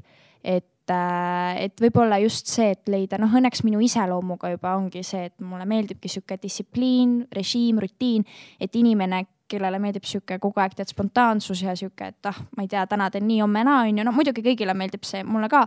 aga lihtsalt mulle nagu jubedalt sobib see, et ma tean täpselt, et millised mu kõik päevad välja näevad, et. Äh, et tegelikult nagu noh, ma ei tea, vist ei olegi nagu midagi sellist nagu äärmiselt rasket, et võib-olla see toitumise pool jah, see, et ma pean nagu endale aru andma, et näiteks ma pean suutma öelda ei, et on mingid sünnipäevad, sõbrad lähevad välja, ma olengi, et okei okay,, jamani, et nagu noh, õnneks mul on ka nii nagu mõist-, mõistvad sõbrad, et nad saavad aru, et nad ei solvu selle peale, et oh, mis mõttes sa ei tule või mingi onju. et nad saavad aru ja puhka, et ma pigem nagu olengi, ma saan aru, et mulle mõjub paremini, kui ma olen nagu rahulikult kodus, puhkan, lähen normaalsel ajal magama ja mul on kõik hästi, ärkan hommikul ülesse. Et, äh, et just see võib-olla, et nagu oskus öelda ei, et ma täna ei tule, ma ei saa teiega sööma tulla ja nii ongi aga sa ütlesid, et sa ise oled endale lati hästi kõrgele seadnud. kas siis ei teki nagu ahvatlust veel vähem süüa või lihased tuleks ikka rohkem esile, et veel kuivemaks saada, kas ei teki mingit sihukest äärmuslikku olukorda ei või tekkida mm,? No eks mingil määral see võib-olla nagu hasart ikka tekitab ju, et noh, seda, ma tahan ise seda nagu pilti näha, aga kuna minu nagu noh, silm harjub ära sellega, et nagu võib-olla ka raskem pool, mis tuua välja, on just see, et äh, leppida selle pehmema pildiga, mis siis peale, et noh, tegelikult ei ole ju tervislik olla aasta aega nagu sihukeses võistlusvormis. et paratamatult, kui ma tahan kuskil edasi areneda, siis ma pean võtma kaalus juurde ja ma pean lihasmassi kasvatama ja ma olengi pehmem ja võib-olla see, et nagu vaimne pool ei taha leppida sellega, et tead, ma ei tea, kas kõht ei joonista nii ilusti välja või tead, noh, mingid sellised väiksed asjad, aga ega nagu ma ei ütle, et ma nagu mingi paks ega midagi olen, aga lihtsalt, et nagu, et see on sihuke, millega võib-olla noh, ma ei ole ainus, aga ma tean veel, et noh, ongi, et just eriti naistel, et sihuke selle peegelpildiga nagu uuesti jälle nagu sina peale saada. Amani mainis siin, et sa oled äh, igasugused äärmused Ott juba läbi teinud, et äh, kas sa tood mõned näited äkki? Ei, eks igasuguseid hullusi on omal ajal tehtud ja eks need hullused tegelikult olid otseselt seotud, seotud ka sellega, et puudusid vastavad teadmised. vaata enamus ka täna, keda te jälgite, noh tavaliselt nende inimeste enda see kogemus ongi niivõrd väike. Nad ka kuulevad midagi, proovivad midagi ja siis noh, järeldavad sellest midagi, aga ja tegin ka mina omal ajal niimoodi, ega tihti oli raske isegi seda infot nagu tõlgendada või isegi kui sa midagi lugesid, noh, sa tõlgendasid seda enda soovi kohaselt ja tegid võib-olla selle asja raskemaks, kui oleks nagu pidanud olema, aga noh, ma arvan, üks kõige levinumaid alguses on ikkagi see, kui loobutakse toidus, noh, kuna me saame aru, et meie eesmärk on ju rasva põletada, noh siis väga lihtne ja loogiline tuletus on see, et ju ma peaksin loobuma suhteliselt rasvarikkast toidust või välistama põhimõtteliselt rasva, et organism siis kuidagi efektiivsemalt oma rasva põletaks, noh täiesti isegi tagasi vaadates täiesti loogiline järeldus, eks ole. Tegelikkuses ikkagi on nii, et ja, ja loomulikult ma proovisin tol ajal ka seda teha, kus sa noh, praktiliselt ikkagi noh, nii palju kui toidust rasva ära sa ei jäta, nii palju sa noh, kõik munakollased sa loopisid minema, sõid põhimõtteliselt vees keedetud siis ütleme kanaliha suhteliselt maitsetud, noh keetsid riisi ära, noh palju seal seda rasva siis tuleb, noh ega seda ei tule sealt väga palju, eks ole. ja loomulikult, mis sellega kaasas, oli tegelikult hästi halb enesetunne ka, et, et see, kus lava taga, kus peaks olema energiast inimene tegelikult ikkagi pakatama võistluspäeval, seal oli selline tunne, et nagu tahaks ära surra, jah et eh, meeletult halb enesetunne ja loomulikult see enesetunne paranes peale võistlusi, noh nii kui sa said normaalset toitu peale, noh siis see enesetunne nagu kordades eh, paranes. aga ma arvan, need olid esimesed sellised, noh hiljem juba loomulikult erinevad soola ja veega manipulatsioonid, mis teatud juhtudel võisid väga negatiivselt mõjuda teatud krampide või muude asjadena, nii et, et seal on igasuguseid hullusi on tehtud jah. aga mille, kust sa õppisid seda? ega sa õpidki aja jooksul, ütleme niimoodi, et sa teed läbi, saad aru, et see ei anna tulemust, noh samamoodi vot kõige hullem on see, kui inimesed teevad järjepidevalt samamoodi. kui see ei andnud tulemust, no siis ei ole mõtet ju sama asja nagu korrata ja, ja eks ma siis õppisin ja tegin analüüsisin, mis läks viltu, mida ma saan teha paremini ja ütlen ausalt, kogu selle asja võib-olla kõige parem tuletus oli tegelikult ikkagi see, et ma õppisin ennast kontrollima peale võistlusi. ehk siis, kui enamuse jaoks lõpeb nagu võistlus ära, hakkab see uuesti selline laadimine pihta, siis tegelikult minul dieet nagu jätkus. no mitte küll nii rangelt, aga ma seadsin väga selged piirid ja mida ma nii endal peale võistlusi tegin, kui ka praegu oma õpilastel, kaasa arvatud Avanil, et ikkagi, kui on võistlus läbi, esimese kahe nädala jooksul ei võta juurde üle kahe kilo ütlen ausalt, see tundub nagu, kuule, mis seal siis on, et noh, kuule kaks kilo kahe nädalaga, kuule saad ju süüa küll. aga teate, kui lihtsalt see kaks kilo, see kahe kilo söömine, see, see tuleb tagasi väga lihtsalt ja, ja küsimus ongi, kuidas seda ei tuleks rohkem nagu, sest tihti on võistleja kahe nädala pärast on pluss kümme see on täiesti tavaline wow. selle ala puhul mm. -hmm. seal ei ole üldse mitte midagi teha. noh, mul olid siin omal ajal olid kõige paremad siuksed laksud olid ikkagi kaheksa tunniga kaheksa kilo no.. ei no päris, minul endal ei olnud, vabandust, üheksa tunniga üheksa kilo ma olen kuulnud kõige rohkem, aga mul oli niimoodi, et ütleme neljakümne kaheksa tunniga kaheksa kilo noh, põhimõtteliselt kaalumine oli reede õhtu ära, banketiks ma olin kaheksa kilo raskem noh. kust? see oli nagu noh, põhimõtteliselt hakkasid riidid selga panema, banketi, banketi särk, mis kaasa võtsid, see põhimõtteliselt selga ei lähe enam, see väga hull noh ja noh, äärm mul sihuke näiteid veel noh, kui meil olid näiteks maailmameistrivõistlused oli kaks tuhat neli olid Moskvas ja võistlesime koos, ütleme seal Ukraina esindaja oli kohal. võistlesime koos kuni üheksakümmend kilogrammi kategoorias, noh mõlemi kaal oli siis järelikult kaheksakümmend üheksa millegagi kopikatega niimoodi, siis nädal hiljem me läksime siis, ma sõitsin noh Kiievisse. Ja siis noh, läksime sauna koos, vend astus kaalu peal nädal hiljem, ta kaalus sada kaksteist nädal hiljem no panen kaheksakümne üheksa pealt, no kakskümmend kolm kilo nädalaga noh no see on nagu teine inimene, vend võttis särgi ära, ma küsisin, ma pole midagi siukest enne näinud. ja kujutad, sa mõtlesid, me ütlesime, me võistlesime ühes samas kategoorias, järsku mingisugune raskekaalu jõmm on sul kõrval, sa ei saa nagu aru, mõtled, mida moodi. aga mille arvelt see tuleb, see ei saa ju vee või ongi vee arvelt? vesi, vesi suures osas, noh ja ütlen ausalt, teatud juhtudel, eriti sellisel juhul, kui see on mingi kakskümmend kilo, noh, seal on teatud ainete koosmõju takkaotsa sinna veel kus inimene mm -hmm. lihtsalt tõmbabki seda vett niimoodi sisse, et no põhimõtteliselt kõik, mis sööd-jood, kõik jääb sisse mingi esimesed, ma arvan, kolm päeva vetsu sul asja nagu ei ole, noh, aga kui sa sööd seal ikkagi ka nii valimatult, noh siis võid ette kujutada, sa lähed noh paistele, sa lähed totaalselt paiste niimoodi, et no väga hull noh aga see lihase ehitamine tundub täiesti kunst, sest seal on nii palju erinevaid nüansse, mida te peate arvesse võtma. kui nüüd keegi tahab algust teha, siis mis on kõige esimesed siuksed nipid, mida võiks arvestada? No minu soovitus on ikkagi see, et äh, leida endale see mentor või noh, treener, kes on, teab ja on asjaga kursis, et mitte oma peaga minna lõhkuma ja umbes midagi tegema, sest noh, see võib väga kurvalt lõppeda. või siis lõpeb niimoodi, et sa ei tahagi jõusaali üldse enam minna. et, äh, et ikkagi leida see inimene, kes noh, kui just jõusaalis, et kes vaatab, näitab korralikult, kuidas harjutusi teha, teeb mingi kava, mille järgi siis toimetada, et, äh, et ma nagu ei soovita oma peaga minna ja midagi umbes tegema hakata, et lihtsalt jah leida see inimene, kes nagu toetab. sest see tagasisidestamine on vist päris oluline, et okei okay,, sa saad selle kava, sa teed kaks nädalat, mis võib-olla see ka sama kava on võib-olla mõeldud veel kaks nädalat kestma, aga inimese anatoomia on erinev, et äh, võib-olla seda on vaja muuta, et kui palju teie teete seda oma protsessi jooksul, et kui tihti te vaatate kavasid üle ei, meil on ikkagi väga selgelt, noh, kui ma teen ka inimeste plaani, ükskõik, on nad siis algajad või edasi jõudnud, ütleme nii, et laias laastus üle kolme kuu ei, mitte ühtegi plaani me ei järgi nagu, et ikkagi ma teengi enam-vähem kvartaalse plaani. ja seal määratleme siis ära, mis nädalal milliseid harjutusi, milliseid seeriad, millised puhkepausid, kordused, kõik need edasi on. nii et tegelikkuses, mis üks võib-olla põhiviga, aga mida tehakse on siis see täpselt, et inimesed istuvad, noh tihti küsingi, et no kaua selle kava järgi teinud oled, tuleb ütlema harrastaja mul siia vastu. no mis seal on, mingi kaks aastat ikka olen teinud me ei imesta, et see ei arene kuskile poole. Et äh, küsimus ei olegi selles, et inimene, ta võib trennis käia, aga lihtsalt keha kohaneb ja põhiline asi, selge, et ma ütlen, et algaja puhul on esimene see treeningaasta kõige õnnelikum aeg, et kui te esimesel treeningaastal keskendute, te saate kordades rohkem vastu kui ülejäänud kümne jooksul võib-olla kokku. et see on nagu üks asi, millele tähelepanu panna. esimese, esimene aasta kõige parem, järgmine aasta juba vähem. mida aasta edasi, seda vähem te hakkate vastu saama, aga kui te selle aja ära raiskate sõna otseses mõttes, ah ei ole aega minna, jätan vahele keskenduge see aeg ja ma ütlen pärast, kui te olete viis või kümme aastat trennis käinud, mitte midagi ei juhtu, kui te mingil päeval või mingil nädalal sinna trenni ei jõua, ma ütlen ausalt, teie treenis ei lange ka kusjuures mitte olulisel määral. aga, aga algajate puhul te saate algul kõige rohkem vastu ja kui te raiskate selle aja ära, siis pärast on väga keeruline neid protsesse nii aktiivselt esile kutsuda.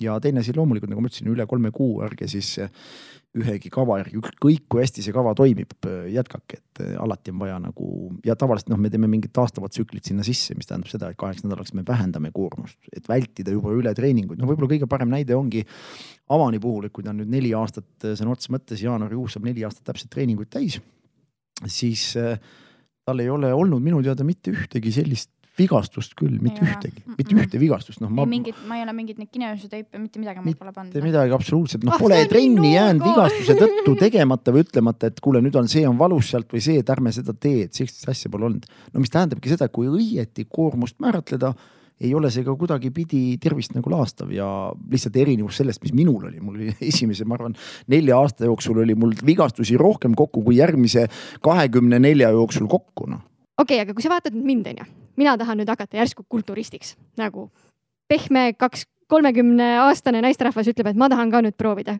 kas ja mida annaks üldse minuga teha? esimene asi, me ütleme niimoodi, et püksid maha ja hakkab vägede ülevaatus. siis ja praegu me saime elu kakskümmend neli pealkirja et see, et sa seal dressides istud, selle järgi meil on väga raske, ütleme, võistlusspordi potentsiaali hinnata. me tavaliselt ikkagi ütlen ausalt, nii hea või halb, kui see pilt on, paneme bikiini väel inimese, ütlen, võta kodust peokingad jalga, pane need ka otsa veel. ja paneme su enam-vähem distantsi peale seisma, et üldse proovida aru saada, mis see seis tegelikult on. ja ütlen ausalt, et eh, sealt me saame mingisuguse noh, mingi vastuse me saame, aga mitte alati mm, päris lõpliku et see, et see seis täna võib-olla selline on, nagu ta on, ei tähenda seda, et me ei saaks seda muuta, alati me saame. küsimus on lihtsalt, kui palju ja mis aja jooksul ja, ja, ja noh, ja sealt tulevad need asjad, mida me ka peale vaadates ei näe. ehk palju sul püsivust on, kuidas su keha reageerib teatud muudatustele, kui palju sa võib-olla varasemate dieetidega oled selle ära rikkunud, selle mehhanismid. oo, mis see tähendab? No see tähendabki seda, et kui sa oled oma elus teinud igasuguseid paaste nälgimisi või ekstremaalseid dieete, siis tegelikkuses pärast kuidagi isegi normaalse dieediga uuesti neid, ütleme siis organismi nagu mm, toimimist, noh sellega just, et, et ta õpib kaloreid ka vastu võtma, õpib neid kulutama. Tihti noh, kui tänane selgub, et päevas sa sööd, noh, ma toon lihtsalt näite, et eh, sa näed välja nii, nagu sa näed, eks ole, ja sööd võib-olla, ma ei tea, tuhat kolmsada, nelisada kalorit päevas ja sellega, no ma toon lihtsalt ma näite. nälja, väga näljane peaks olema siis. ei, ei, ma, ma toon lihtsalt näite, kus tihti selgub, et kaloraaž ongi inimestel nii madal ja, ja ma saan aru, palju seal ülekilosid on, siis noh, öelda, et hakkame nüüd maha võtma, ma küsin, kuhu me võtame, me läheme mm. nagu alla, me oleme praegu juba elatusmiinimumi peal, meil ei ole sealt kuskile alla tulla. ehk esimene asi, me peame õpetama organismi kulutama kaloreid, me peame kõigepealt saama kaloraaži ülesse, et toit, mis sisse tuleb, ei talletu lihtsalt kehas, vaid lihtsalt organism hakkab seda läbi laskma. seda kõike on võimalik aja jooksul teha, aga see võtab aega ja tihti need varasemad dieedid võivad olla ka üks põhjusi, miks need mehhanismid võib-olla täiel määral ei taastugi, need ei, need ei lähegi käima seal on hästi palju nüansse, seda võib eraldi kaks ehk siis rääkida. tavainimesele üldse ei soovitaks nende ekstreemsete dieetidega kaasa minna, sest võib pigem kahju teha oma kehale? sisuliselt küll, need ja, ja see kõige pullim on see, et teatud tervisehädad, mis tulevad võib-olla aastaid hiljem, mingid siseorganid hakkavad kuskilt märku andma, ei tööta, lakka, on selle põhjus võib olla absoluutselt viis aastat varem noorena tehtud mingi ekstremaalne dieet või mingi muu asi et need tulevad hiljem, inimestel on alati see tunne, oh, ma tunnen ennast kergemalt, oh, ma loobun selle söömisest, teise sööbumisest. mul on nagu nüüd on nii kerge olla, see kerge olla võib asenduda aastaid hiljem hoopis mingi tõsise haigusega, mis on esile kutsutud tänu sellele, et organism teatud aja jooksul ei ole saanud, ütleme, õigeid toitaineid õiges vahekorras nagu. see on nagu rohkem, kui inimesed arvavad tihti. see tundub nii huvitav, mida sa näiteks igapäevaselt sööd? ilmselgelt väga hea vormi juures, et äh... nokotnan jaa, ei no minu hommik kindlasti on see, et ma a la, ma ei lähe kodust välja, kui ma ei söö hommikusööki, et mul on nagu korralik pudruports ja minu, ma nagu ootan, ma lähen õhtul magama, teades, et ma saan hommikul oma putru süüa. ma nii armastan ja ma võingi. duubeldan. nagu ma, ma võingi, sest et see on nagu sest et ma nagu kuidagi hea, see on mu üks lemmikuid toidukordi ja no tegelikult selles mõttes ma sööngi a la neli korda päevas et siis järgmine toidupaus, kusjuures ongi mingi a la kolme tunni tagant, et äh, kui tihti inimesed arvavadki seda, et okei okay,, et noh, isegi kui mul on nagu võistluste ajal ikkagi väga kindel kaloraaž ees, siis mul ei ole sihukest nagu näljatunnet või sihukest, et issand jumal, et mul on kõht nii tühi, et ma nüüd ei tea, ma sööks kõik asjad ära. et kuna ma sööngi pidevalt, siis mul ei jõuagi nii-öelda, ma ei oota seda hetke, kuni mu kõht on nagu nii-nii tühi, et siis, siis tekibki see koht, et nagu, et noh, söökski kõik asjad ära, et äh, pigem niimoodi mõne tunni tagant ja väiksemad portsud, et aga jah. aga peale pudru läheb siis mis asi? peale pudru. mis sa lõunaks sööd? no kas ma, siis on ma teen märkmeid parasjagu. kas on seal mingi, mingi pasta või riis ja sinna juurde siis noh, mulle meeldib kas kana või mingi hakkliha ja siis sinna juurde näiteks mingi salatike või midagi. ja siis on mul vahepealaks kas mõni kohupiim mingite pähklite, puuviljadega ma olen nii laisk selles osas, et ma kogu aeg mõtlen, et ma võiks igasuguseid asju katsetada, aga siis ma lähen ikka lihtsamat vastupanu teed ja praen oma kana ja keedan oma pasta ja ketšupit ja majoneesi ja siis see nagu sobib mulle. ketšupit ja majoneesi? jaa wow.. näed, seda saab ka süüa. Te olete normaalsed inimesed. me oleme normaalsed inimesed, ei ole keedetud kana ainult, vaid õlispraen kana see on ja üks asi, mis mulle tundubki, et inimestel on võib-olla vale arusaam, et, et kuna te olete nii peenikesed ja nii nagu vähese rasvaga, et siis te ei söögi mitte midagi. aga mis su kaloraaž üldse on? No võistlusväliselt, noh, ma nüüd mul on see, et ma ikkagi silma järgi nagu vaatan, aga no ma ei hakkaks selles mõttes numbreid nagu ütlema, et muidu keegi võtab tead sõnasabast kinni, onju.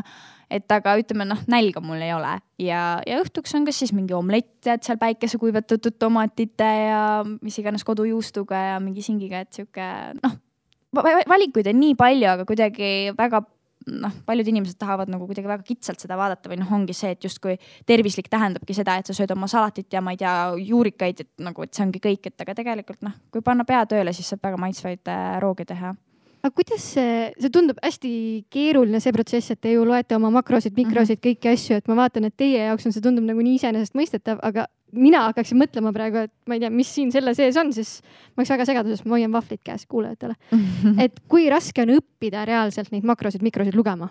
tegelikult ega seal midagi keerulist ei ole, selle jaoks peaks endale koju ühe sellise väikse kaalu muretsema ja põhimõtteliselt lihtsalt need asjad tõstma kaalule ja võtma selle info üldjuhul, mis siis vähemalt tootja poolt on pakendile pandud noh, kui palju seda alati usaldada saab, see on iseküsimus, aga ega meil väga palju muid numbreid tõlgendamiseks ka ei anta.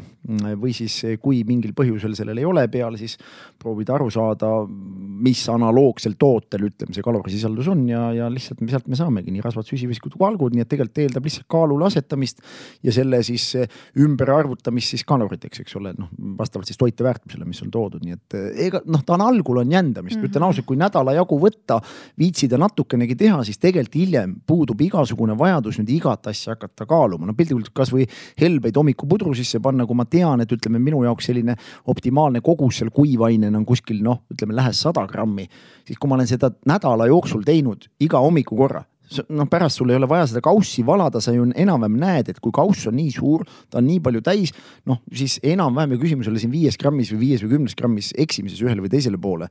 et eh, sul see suurusjärk tuleb lihtsalt käe sisse ja sul ei ole vaja kogu aeg nüüd kaalule kõiki asju nagu panna et ähm, jah, ma olen ka pigem sedapidi, et aja jooksul ma olen seda teinud omal ajal päris palju ja hiljem juba tõesti ma tajun neid suurusi, portse ja ma käin järjepidevalt kaalu peal ja tõlgendan siis seda, nii seda pilti, mida ma peeglist näen, kui seda, mida siis kaal sellesama toitumise peale teen ja vastavalt sellele, kas suurendan kulutust või siis vähendan teatud, ütleme siis toitained selles samas äh, taldriku peal, mis mul on seal vaja vähemaks võtta et ta on, ähm, ta on tegelikult lihtsam kui nagu iga asi, vaata, kui inimene mingit asja jagab, siis talle tundub see tegelikult noh, ja ta ongi tegelikult suhteliselt lihtne teha, aga väljaspoolt vaadates tihti see tundub hästi keeruline ja, ja võib-olla mingi aeg on vaja ja ongi vaja kindlasti pingutada ka, et õppida sellest aru saama.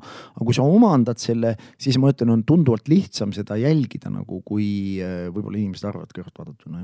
ja kui sa tead, mida sa teed, siis on ka lihtsam, et ma mõtlen, et võrreldes sellega, kuidas sina alustasid ja vaatad võrreldes seda, et äh, kui nüüd sportlased hakkavad sellega tegelema. no jah ja., see info, esiteks kogu see info kättesaadavus ja hulk ja noh, võib-olla teine probleem on vastavalt sellest, et infot on liiga palju. küsimus see, kui sa hakkad igasuguseid inimesi jälgima, ütlen ausalt, vahest nagu öeldakse, rumalus on häälekas, selline ütelus on ka olemas. et noh, vaadatakse peale mingisugune hirmus suur mees või vastupidi, mingi jube kihvtis vormis naine, eks ole, kellel võib-olla tegelikult on mingi supergeneetika ja jumal ta seda teab, mida ta veel takkaotsa sinna manustab, eks ole kisab ees kõva häälega noh, siis ongi tunne, et oi, ta teab kõike, eks ole, noh, kuna ta on, no, näeb nii palju hea välja. sisuliselt, mida ma tahan öelda, on see, et, et ka me võime väga ütleme siis hea tasemega sportlaselt tegelikult saada täiesti valet informatsiooni enda jaoks nagu, et, et ütleme, mingi filter peaks nagu vahel olema, et keda kuulata või mida kuulata. aga kust ma tavainimesena peaksin aru saama? Noh, ma arvan, et selle jaoks ongi vaja lugeda mõni raamat läbi, et üldse aru saada, mis on juba ütleme teaduspõhiselt tehtud. vaata, üks asi on see, et kui üks vend kisab eest, et sööge viiskümmend munavalget päevas, eks ole, ise näeb tõesti sihuke välja, et kurat, kui ma hakkaks ka nüüd nii palju sööma, äkki ma muutun ka siukseks. no ma omal ajal täpselt nii tegingi, noh. tuli mulle siia, Soomest toodi siia, oli sihuke paras koll toodi siia, muidugi ma vaatasin selle käsi, mõtlesin, et issand, issand, et selle käed on nagu inimese pea seal küljes. siis mõtlesin, ma tahtsin ka samasugust saada, no küsin, mis sa siis sööd, no mis ma seal söön, no kilo fileed söön päevas, eks ole, liha, eks ole, siis seda, no ma hakkasin iga jumala oma päev sööma sisefileed ühe kilo päevas, noh sellele hullule vaatamata ta muidugi ütlenud, kui palju ta ennast süstis sinna takkaotsa veel sinna tarka järgi, aga, aga lihtsalt ma arvasin, et ma teen kartulasoosti pealt nagu selle samasuguse pildina. ja mis mul olid, hambad valutasid lihtsalt sellest liha söömisest juba. no kujutad ette, kilo sisefileed iga päev, noh tol ajal ma olin selles noh, praegu siis selles, no ega ei olnudki no ja, ja päeva lõpuks ma ütlen ausalt, ma olin paks lihtsalt noh. ja kõige huvitavam, ma olen toonud seda näidet ka, et, et naljakas, et kuigi mu toit koosneski kolm pakki lahjat kohupiima, seda klotsi päevas kakskümmend munavalget, kilo sisefileed, noh veel mingit valgupulbrit sinna otsa lisaks jumal teda teab, mis toiduained seal veel olid, aga eh, siis vaatamata sellele noh, mul olid ikkagi suured põsed ja noh, ma olin paks, ütlen ausalt. mis on hea näide ka sellest jällegi, et sõltumata sellest, kui puhast justkui toitu te sööte, kõik, mida te üle tarbite, päeva lõpus talletab organism sisuliselt rasvana nii et noh, tegelikult kui hakata võtma rasva, seal ju praktiliselt polnudki, eks ole, oli sisuliselt ainult nagu valgurikas kvaliteettoit, aga kui organism ei suuda seda vastu võtta, põsed ikka täpselt samamoodi nagu ma oleks käinud purksi söömas põhimõtteliselt poleks vahet olnud. ja seda näidet ma toon ka tegelikult toitumiskoolitustel, no mida ma teen, et, et noh, ületarbimine ükskõik millise või ükskõik kui puhtaga toidu ületarbimine lõpeb päeva lõpus selles, et alati osa, loomulikult tekkis mingi osa lihaseid ka, ega ma ei taha öelda, et lihaseid ei tulnud, aga lihtsalt mingi osa ja kui see kaalutõus on liiga järsk, kaasneb sellele ka ikkagi suurem rasva rasva osakaal. ja see oli peidus lihtsalt.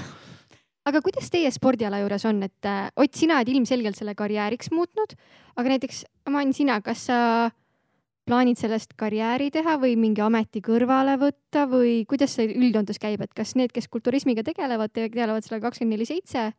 Mm, no ma ütleks, et noh, Eestis just väga mingit selles mõttes, et seda ikkagi niimoodi, et ainult elatuda sellest, et sa teed nagu kindlasti mitte, et äh, muidugi ma näen ennast, et ma teen kunagi treeneri tööd ja et äh,, et aga et noh, et ongi, et ükskõik mis muud tööd, mis nii-öelda, mida ma õppima lähen, et, et seda treeneri tööd ma tahan endal paberid ära teha. et seda ma saan nagu, ongi täpselt ükskõik mis muu eluvaldkonna kõrvalt ka teha, et inimesi aidata ja seda nõustada, et äh, et see plaan on mul olemas küll, aga nagu ainult niimoodi, et fitnessist elatuda nagu ma arvan, et Eestis noh, noh, mitte ma ei arva, vaid nagu ei saa lihtsalt, et see on üpris kallis spordiala, et ähm.... aga paneme mõned numbrid juurde, mis seal nagu kulukas on? no mis nädalavahetus. bikiinid ja kingad ja läheb ju. no ja kui juba võtta, et lased kui bikiinid ikkagi, tutikad bikiinid lasta teha niimoodi, et need on korralikud, siis võib ikka seal viissada eurot või noh, see sõltub ja need on väga kallid, on need. Nad on ikka väga Nad on väga ilusad okay,. ja, aga see ongi Svarov ja, ja noh, need kivid maksavadki, et äh, ja noh, siis ongi kõik äh, need lavakingad ja meigid ja juuksed. noh, nüüd ma olen õppinud muidugi ära selle, et endale ise lavameiki teha, aga et juba see tegelikult on rahaliselt juba väga suur kokkuhoid, et muidu läheks, ma arvan, seal sott läheks selle peale ka, et sul juuksed ja meik umbes tehakse ja noh, mhm. pärast nagu seda kurvem võib-olla on ka see, et vaata, kui tulemust ei tule, et siis noh, oledki niimoodi, et kui ei ole võimalust, siis äh,, siis see on, aga jah, see on hästi nagu kulukas ja noh, kui veel on välismaal, siis on lennupiletid ja hotellid ja noh, ongi see võistluse osalusmaks, mis tihti ongi minu arust mingi seal kakssada viiskümmend eurot tavaliselt. tavale minna, no põhimõtteliselt ütleme laias laastus seitsesada kuni tonn on nädalavahetus, kui sa käid mm -hmm. võistlemas välismaal. Aga kust see raha tuleb, kas on mingid sponsorid siis või kuidas see käib? noh, ei no e, kuna ega tegelikult selle ala enamus inimesi ju käivad põhikohaga kuskil tööl, siis e, kellel loomulikult on veel e, noh, ega ei saa salata, bikiini fitness eelkõige naiste pool on ikkagi see, kus on ilusad naised, seal on ka rikkad mehed et see on aga väga lihtne järeldus, et tihti on ikkagi see täpselt, et mehed on need, kes selle pulli kinni tambivad. aga, aga ise meesterahvana rääkides, ega noh, ütleme nii ka maailma reitingu, kui ma võitsin kaks tuhat kaheksateist maailma reitingu, äh, siis noh, mul oli, ma tegin kakskümmend kaks võistlust, aga ütleme, välissõite tuli noh, suurusjärgus mingi viisteist, ma pakun, noh, kui sa korrutad see viisteist ära seal keskeltläbi mingi noh, keskeltläbi seitsmesaja euroga nädalavahetusel, noh, eks mingi kümme tonni põhimõtteliselt panid sinna sõidu peale, puhtalt panid kogu selle võistlemise peale. ma ei räägi muud elamiskulud, need on täpselt ju, kui palju keegi ise endale neid kulusid nagu turjale võtab. et eks ta on kulukas, aga noh, ütleme maailma reitingu võitjana sa said viisteist tuhat dollarit tagasi ka, noh, ütleme, ma sain vähemalt oma sõidukulud tagasi, et piltlikult öeldes aasta aega panustasin ja aasta lõpus lõpus võtsin nagu kassast raha välja, no piltlikult öeldes, et selle ma sain tagasi nagu, aga seda saab tõesti see number üks, siis sa saad selle tagasi, aga noh. teine tuleb juba, ma arvan, enam-vähem nulli, noh, ütleme, ma võib-olla natuke teenisin ka. aga noh, kolmas on juba piltlikult öeldes maksab peale, et ta käis nagu. Nii et ega, ega, ega ta ei ole lihtne, aga selle peale ma ei usugi, et keegi kunagi on sporti hakanud tegema, et umbes, ta ei mhm. tasu nüüd teha või kas ma teenin. Siis hakatakse hoopis valesti, valest otsast mõtlema, kui ma hakkan mõtlema, et kus ma nagu sealt elatist saan või kus ma nagu teenin, et see on eluaeg olnud see, et ma olen tahtnud seda teha ma teen, kuna see mulle meeldib ja päeva lõpus nagu öeldakse täna tänu sellele spordile, tänu sellele, mida see ala mulle on andnud ju käingi, koolitan, jagan seda kogemust põhitööna täna. treenin inimesi ka nii-öelda põhitööna selle kõrvalt, et eh, täna see toobki sisse piltlikult öeldes, inimesed on valmis selle nõu eest täna maksma ja mul on hea meel seda, kui ma saan seda kogemust tegelikult jagada ja tegelikult noh, täna ongi see töö sõna otseses mõttes minu jaoks ja pigem see emotsioon, vaata, mis, mis selle nagu alaga ja selle kõigega nagu kaasneb, et see nagu kaalub ikka väga üle selle, noh, et see rahaline pool on nagu teisejärguline, aga just see, kui on mingi tulemus ja see noh, see feeling, mis nagu peale seda tuleb, et seda on väga raske, ma arvan, kuskilt mujalt nagu kogeda jah, raha eest seda nagu osta ei saa, selleks ongi, et eh, ega elus on läinud eh, majanduslikus mõttes on ka olnud päris häid tehinguid, aga, aga mitte ühtegi seda tehingut ei saa kuidagi võrrelda sellega, mida spordis saavutatud mingi suur võit on andnud mm, -hmm. see on mhm. täiesti, täiesti võrreldamatud asjad, et eh, seda ei vaheta nagu mitte millegi vastu see show pool selle spordiala juures on ka päris huvitav, et nii palju, kui mina olen näinud, see on sihuke säramine ja poseerimine, et kui suur osa trennist tegelikult selle õppimine üldse on? No mul oli ikka niimoodi, et mida lähemale võistlus jõudis, seda rohkem ma siis nagu harjutasin ikkagi kodus, ma panin oma kontsakingad jalga ja koristasin ja oligi niimoodi, et aina noh, et mul, et ma harjuksin ära, sest et naistel on need kontsakingad on mingi kaksteist sentimeetrit pikad. see on utoopiline, kuidas sa ei karda jalga välja väänata? oi, aga ma olen, ma olen näinud äh, eriti siis, kui hakkavadki võistlused lähenema ja siis on need õudusunenäod, kuidas ma näen, et ma nende kontsadega kukun lava peal ja ei no konkreetselt ma näen ja kuidas ma olen niimoodi laval, et mul vormi pole ja noh, see on nagu ma arvan, et iga, iga kulturismis ja fitnessis äh, võistlev sportlane on mingit sihukest unenägu näinud. aga jah, see nõuab väga palju harjutamist ja see on äh, omaette kunst et just see, et see oleks võimalikult loomulik ja et äh, noh, seda on vaja nagu kõvasti harjutada, et mul ikka tuli, me tegime tavaliselt ikkagi iga pühapäev mul mingi seal tunnike või niimoodi ma harjutasin, et äh, sest suur osa on ju ka selles, et sul võib ilus lihas olla. ei, täpselt, kui sa laval näidata? olla ei oska, siis äh, paratamatult see jääb kohe silma, kui on sihuke ebakindel olek, sihuke nagu koperdamine. et äh, ongi teine, teisel võib-olla ei ole nii palju lihaseid, aga see, kuidas ta laval on, särab ja nagu lihtsalt ongi, et sa no kõik teised on ümber, aga sa näed ainult seda ühte inimest lihtsalt laval. et äh, see on ka omaette kunst kas seal on riietusel ka oma roll ja muudel kehakummerustel? Noh, teatud juhul on, aga me räägime siinkohal ikkagi sellest, kui on tegemist võrdse tasemega sportlastel.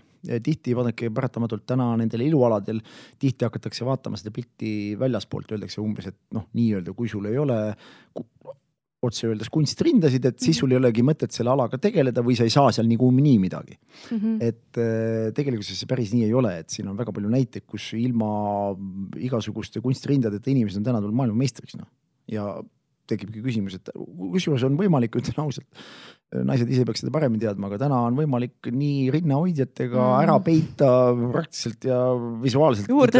eemalt, eemalt ei saa aru midagi, ütlen ausalt, et seal tegelikult on nagu mingid täide, täide sees aga et see ei ole küll, absoluutselt hakatakse valest otsast seda asja lahtima, et praktiliselt arvataksegi, aa okei okay,, kui ma iluoppi teha ei saa, siis mul ei ole mõtet tegeleda. ma ütlen mm. alati olen inimestele, tehke kõigepealt vorm vaadake, kas teil üldse on mingit annet selle asja tegemiseks, kas lihased alluvad treeningule, kas ja kuidas? Ja kui päeva lõpus ütlen ausalt, tõesti, te olete juba, ma ei tea, kas siis maailma või Eesti tipule väga lähedal, sest Eesti tipp ei ole üldse kaugel maailma tipust.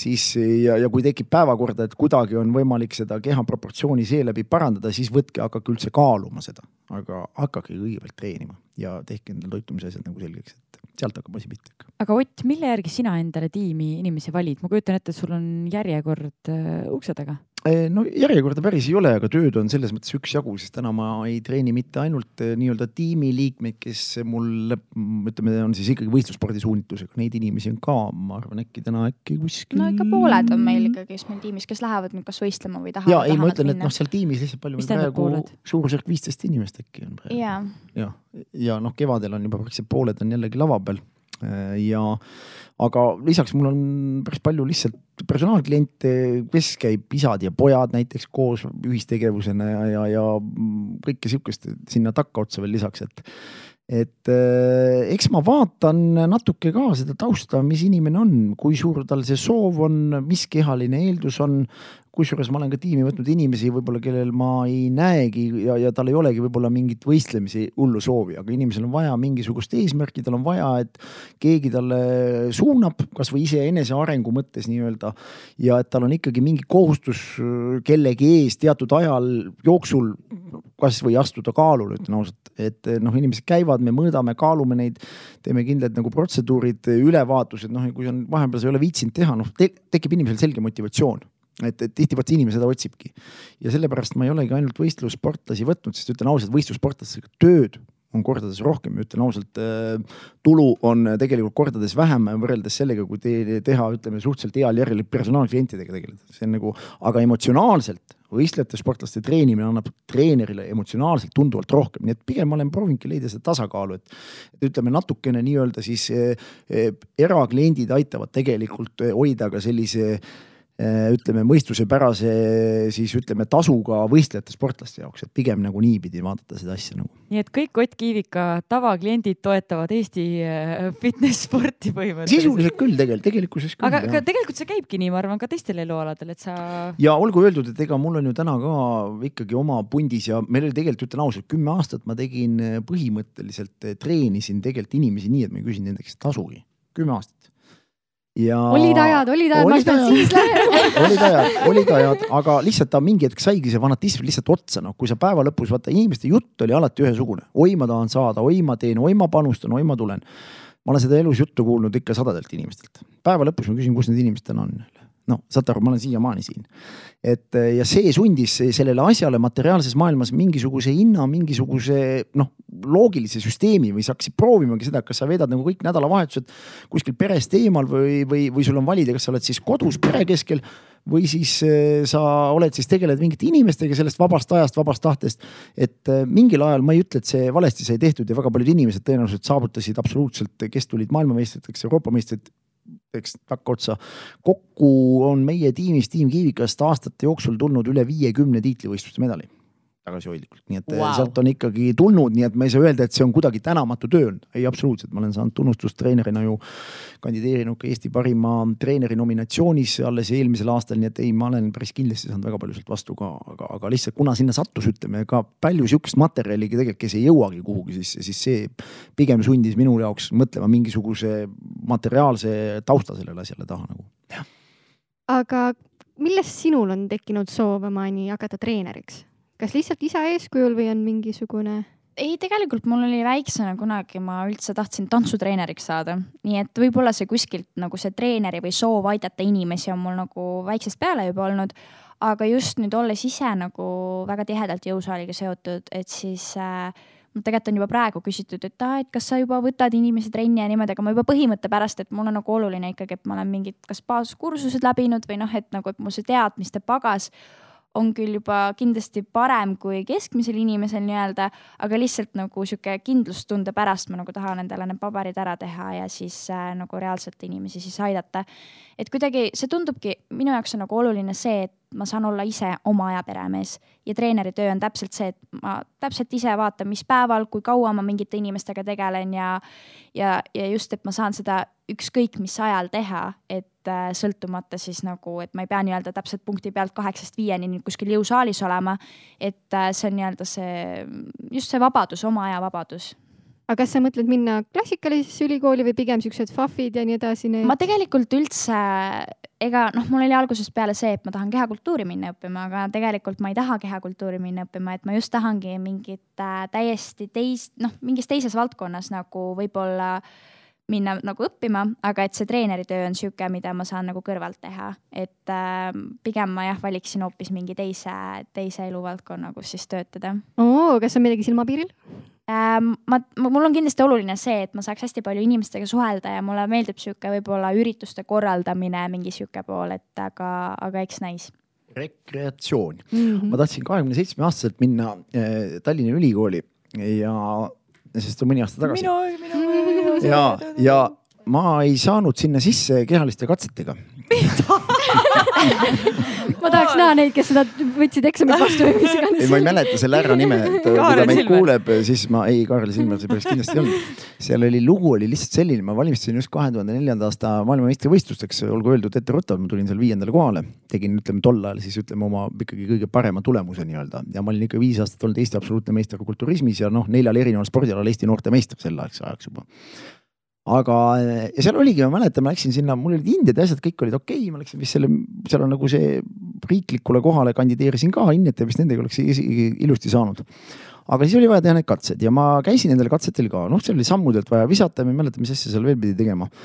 ja mm, kõik läks ilusti, nagu see Eesti meistrikorvpallis olnud on, siis ei ole väga keeruline teha ja siis, aga seal oli vaja teha ka kaheteist minuti jooksu oli minu mäletamist mööda sihuke asi. ja, aga mul oli samal ajal oli kannapõrutus ja noh, ilma mingi simulatsioonita, mul oli minu jaoks olnud see kaksteist minutit ma tegin poolteist tundi kardiotreeningut päevas, noh asi siis see kaksteist minutit seal jooksul ei ole noh.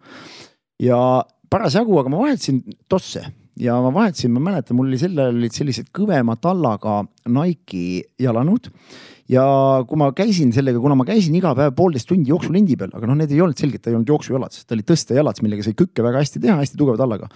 siis ma aru ei saanud, üks päev jalg jääb järjest valusamaks, järjest valusamaks ja selguski, et ma läksin pärast arsti juurde, siin oli see rasvapadi, mis siin kanna all on, kuidagi ta ikkagi see tald oli nii noh, ütleme kõva, et ma põrutasin läbi selle kanna pealt astumise selle jala ära ja see oli nii, nii valus, et ma ei saanud selle jala peal astuda ja kui ma läksin sinna küsima, et kuulge, et see kaheteist minutit jooks tuleb, et äkki ma saan teha selle järgi või hiljem nagu, et noh. et, et mul on praegu mm on nagu tähtsam, kui selle haige jalaga minna sinna jooksma. siis öeldi, ei saa ja, ja sellega lõppeski tegelikult ausalt öeldes minu nagu selline kõrghariduse mm, võib-olla isegi soov kõrgharidust omandada, sellepärast et eh, kuna see vastus oli nii palju selgelt eitav, hiljem ma vist kuulsin üldse igasugused katsed, asjad tühistati, kui sa oled seal mingi Eesti meistriks vähemalt tulnud mingitel aladel, rääkimata, et sa seal mingi maailmatasemel tulemusi oled teinud.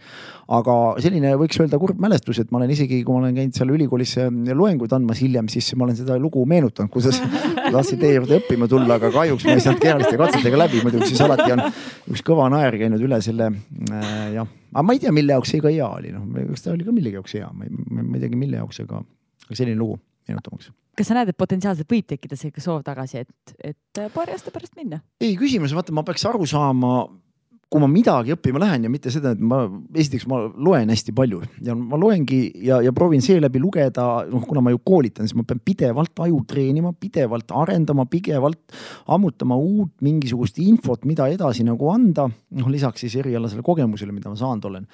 ja pigem täna on ikkagi see, et ma tahaks aega raisata sinna, kus ma nagu lihtsalt ütlen ausalt, ma ei, ma ei teeniks täna mitte sentigi rohkem. keegi ei ole mu käest kunagi küsinud ka, et, et kuule Ott, tule koolitama, kas sul see paber on, et siis sa tohid tulla nagu absoluutselt noh, on kolme ülikooli rektorid istunud saalis pärast tulnud ja tänanud, et sa tulid ja rääkisid seda, mida ma räägin, et äh, küsimus ei ole selles, et ma saan täna aru, et mul ei ole üksinda noh, seda paberit tegelikult vaja.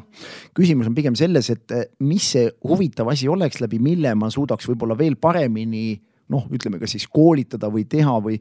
et pigem on ikkagi, ma arvan, sellised lühikursused, lühi selle, ma olen tähele pannud, et siis ma omastan seda infot nagu paremini, kui ma hakkan lihtsalt töötama paberi pärast suurt mahtu läbi, ma ütlen, ma tihti jään tavalisel koolituspäeval poole päeva pealt, noh, sa jääd lihtsalt magama. sa saad aru, et no see ei ole huvitav kuulata ja, ja ma, kui ma peaks niimoodi iga päev käima kuulamas küsin, mille jaoks, ma paneks selle aja kuskile palju kihvtima koha peale, kus ma reaalselt saan mingit emotsiooni või, või võtan mingit huvitava raamatu kätte ja ma olen niimoodi, ma ei saa käest ära panna, ma võin seda lugeda kaheksa tundi jutti ka noh. et pigem täna nagu hindad seda aega pigem rohkem jah, mitte lihtsalt seda, kas sul on nagu kõrgharidus või ei ole.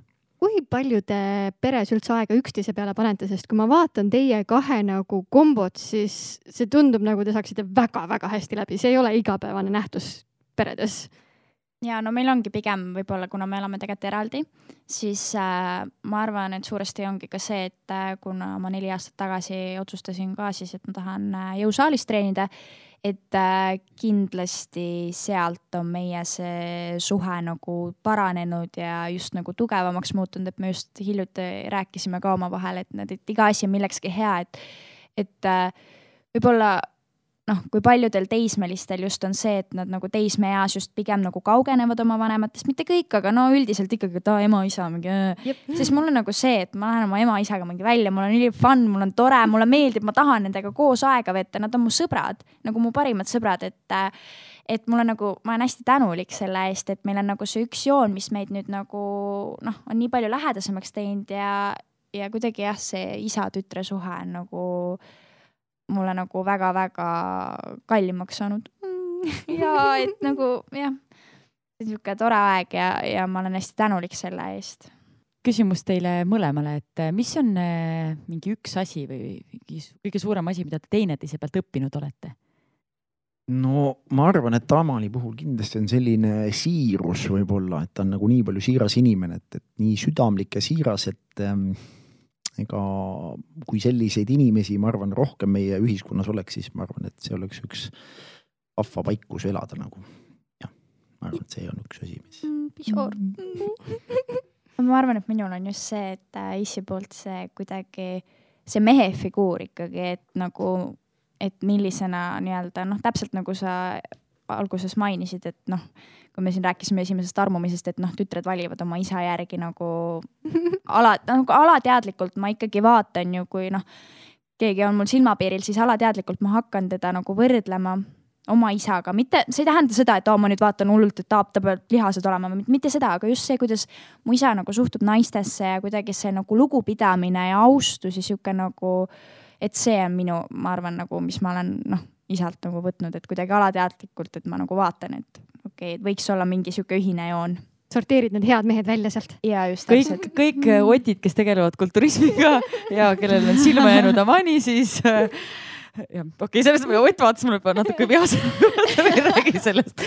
aga sa mainisid paari sõnaga sellest, et kui meil oleks siired inimesed ühiskonnas, siis oleks päris palju parem koht, kus elada. kui te täna vaatate meie maailma, siis mis teile tunduvad need kitsaskohad, mis meil on ühiskonnana, keskkonnana, mida võiks parandada? oh, ikka, kui me ju iga päev vaatame uudiseid, kui palju seal on sellist õelust, kui palju seal on sellist halvasti mhm. ütlemist mm. -hmm. viha. viha, kadedust.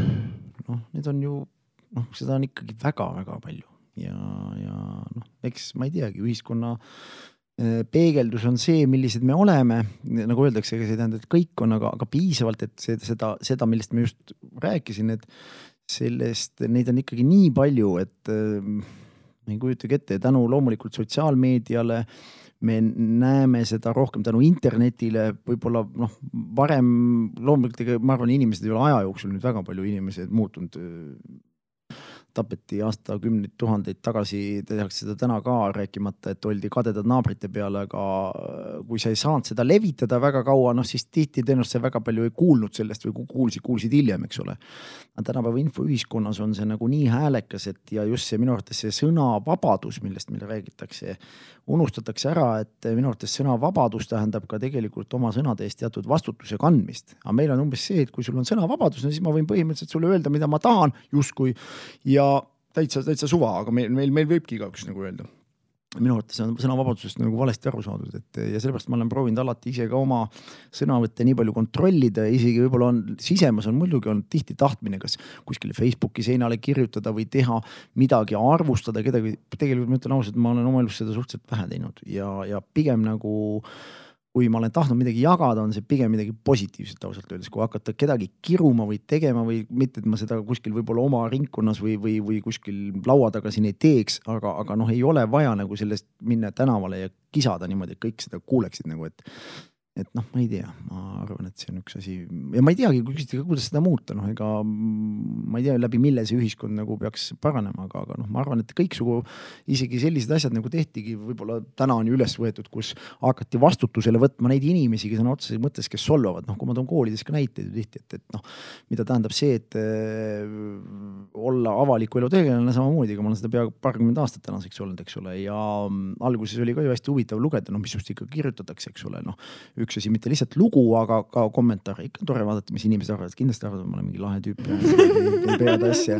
noh, kui sa lahti võtsid ja, ja, ja, ja noh, kui sa selle lahti võtsidki, saidki aru, kuidas see solgiämber sulle kaela tuli. noh, järgmine kord ka noh, lõpus siis ma olengi pigem inimestele ütlenud, et ärge tehke neid kommentaariume ühest küljest lahti, aga see ei ole ka lahendus. täna mul on hea meel tegelikult vaadata, et teatud inimesed on algatanud protsessi selliste inimeste vastu ja sõna otseses mõttes need inimesed tiritakse, nagu öeldakse, vahest öeldi ka vaata, sa pead panema looma nina pidi, vabandust, sita sisse, et ta aru saaks, et ta enam tuppa ei situ sul.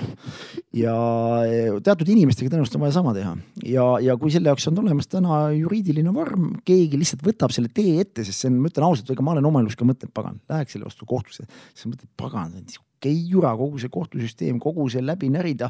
aga ma võtan siiralt mütsi maha nende inimeste ees, kes on julgenud seda teha ja kes tänu sellele natukenegi, sõnal natukenegi puhastavad seda ühiskonda, et järgmine kord, kui kellelgi näpud sügelema hakkavad, siis ta teab, et pagan, teid tõmmatakse sealtsamast justkui pimeda teki alt päevavalguse kätte ja näidatakse kõikidele inimestele. Ja minu arvates me ei peaks üldse kartma siis neid inimesi näidata, meil on kuidagi nagu see, et me ei tohi neid pärast avalikustada, see läheb kuidagi jällegi, ma ei tea, mis seadusega vastuollu palju, aga seda, kui sa teisi solvad, see, see on nagu, nagu, nagu õige asi siis või, et minu arvates me peaks rohkem näitama ka neid pahupoolel olevaid inimesi nägupidi, nimepidi, ükskõik mis pidi. Ja see ei tähenda elu lõpuni nende üle hukkamõistu, aga pigem võib-olla ka seda lihtsalt, et olgu see hoiatuseks kellelegi teisele, kellel hakkavad näpud sügelema või kes tahab kõva häälega karjuda midagi kohatut teise inimese kohta.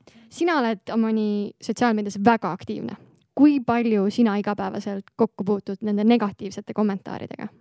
kusjuures äh, ühelt poolt nagu noh, näiteks no Instagram on sihuke kõige, võib-olla, kus ma kõige aktiivsem olen. ja tegelikult on hea meel tõdeda, et äh, ega naljalt inimene oma nime alt ei julge kirjutada midagi solvavat või midagi sihukest noh, paha.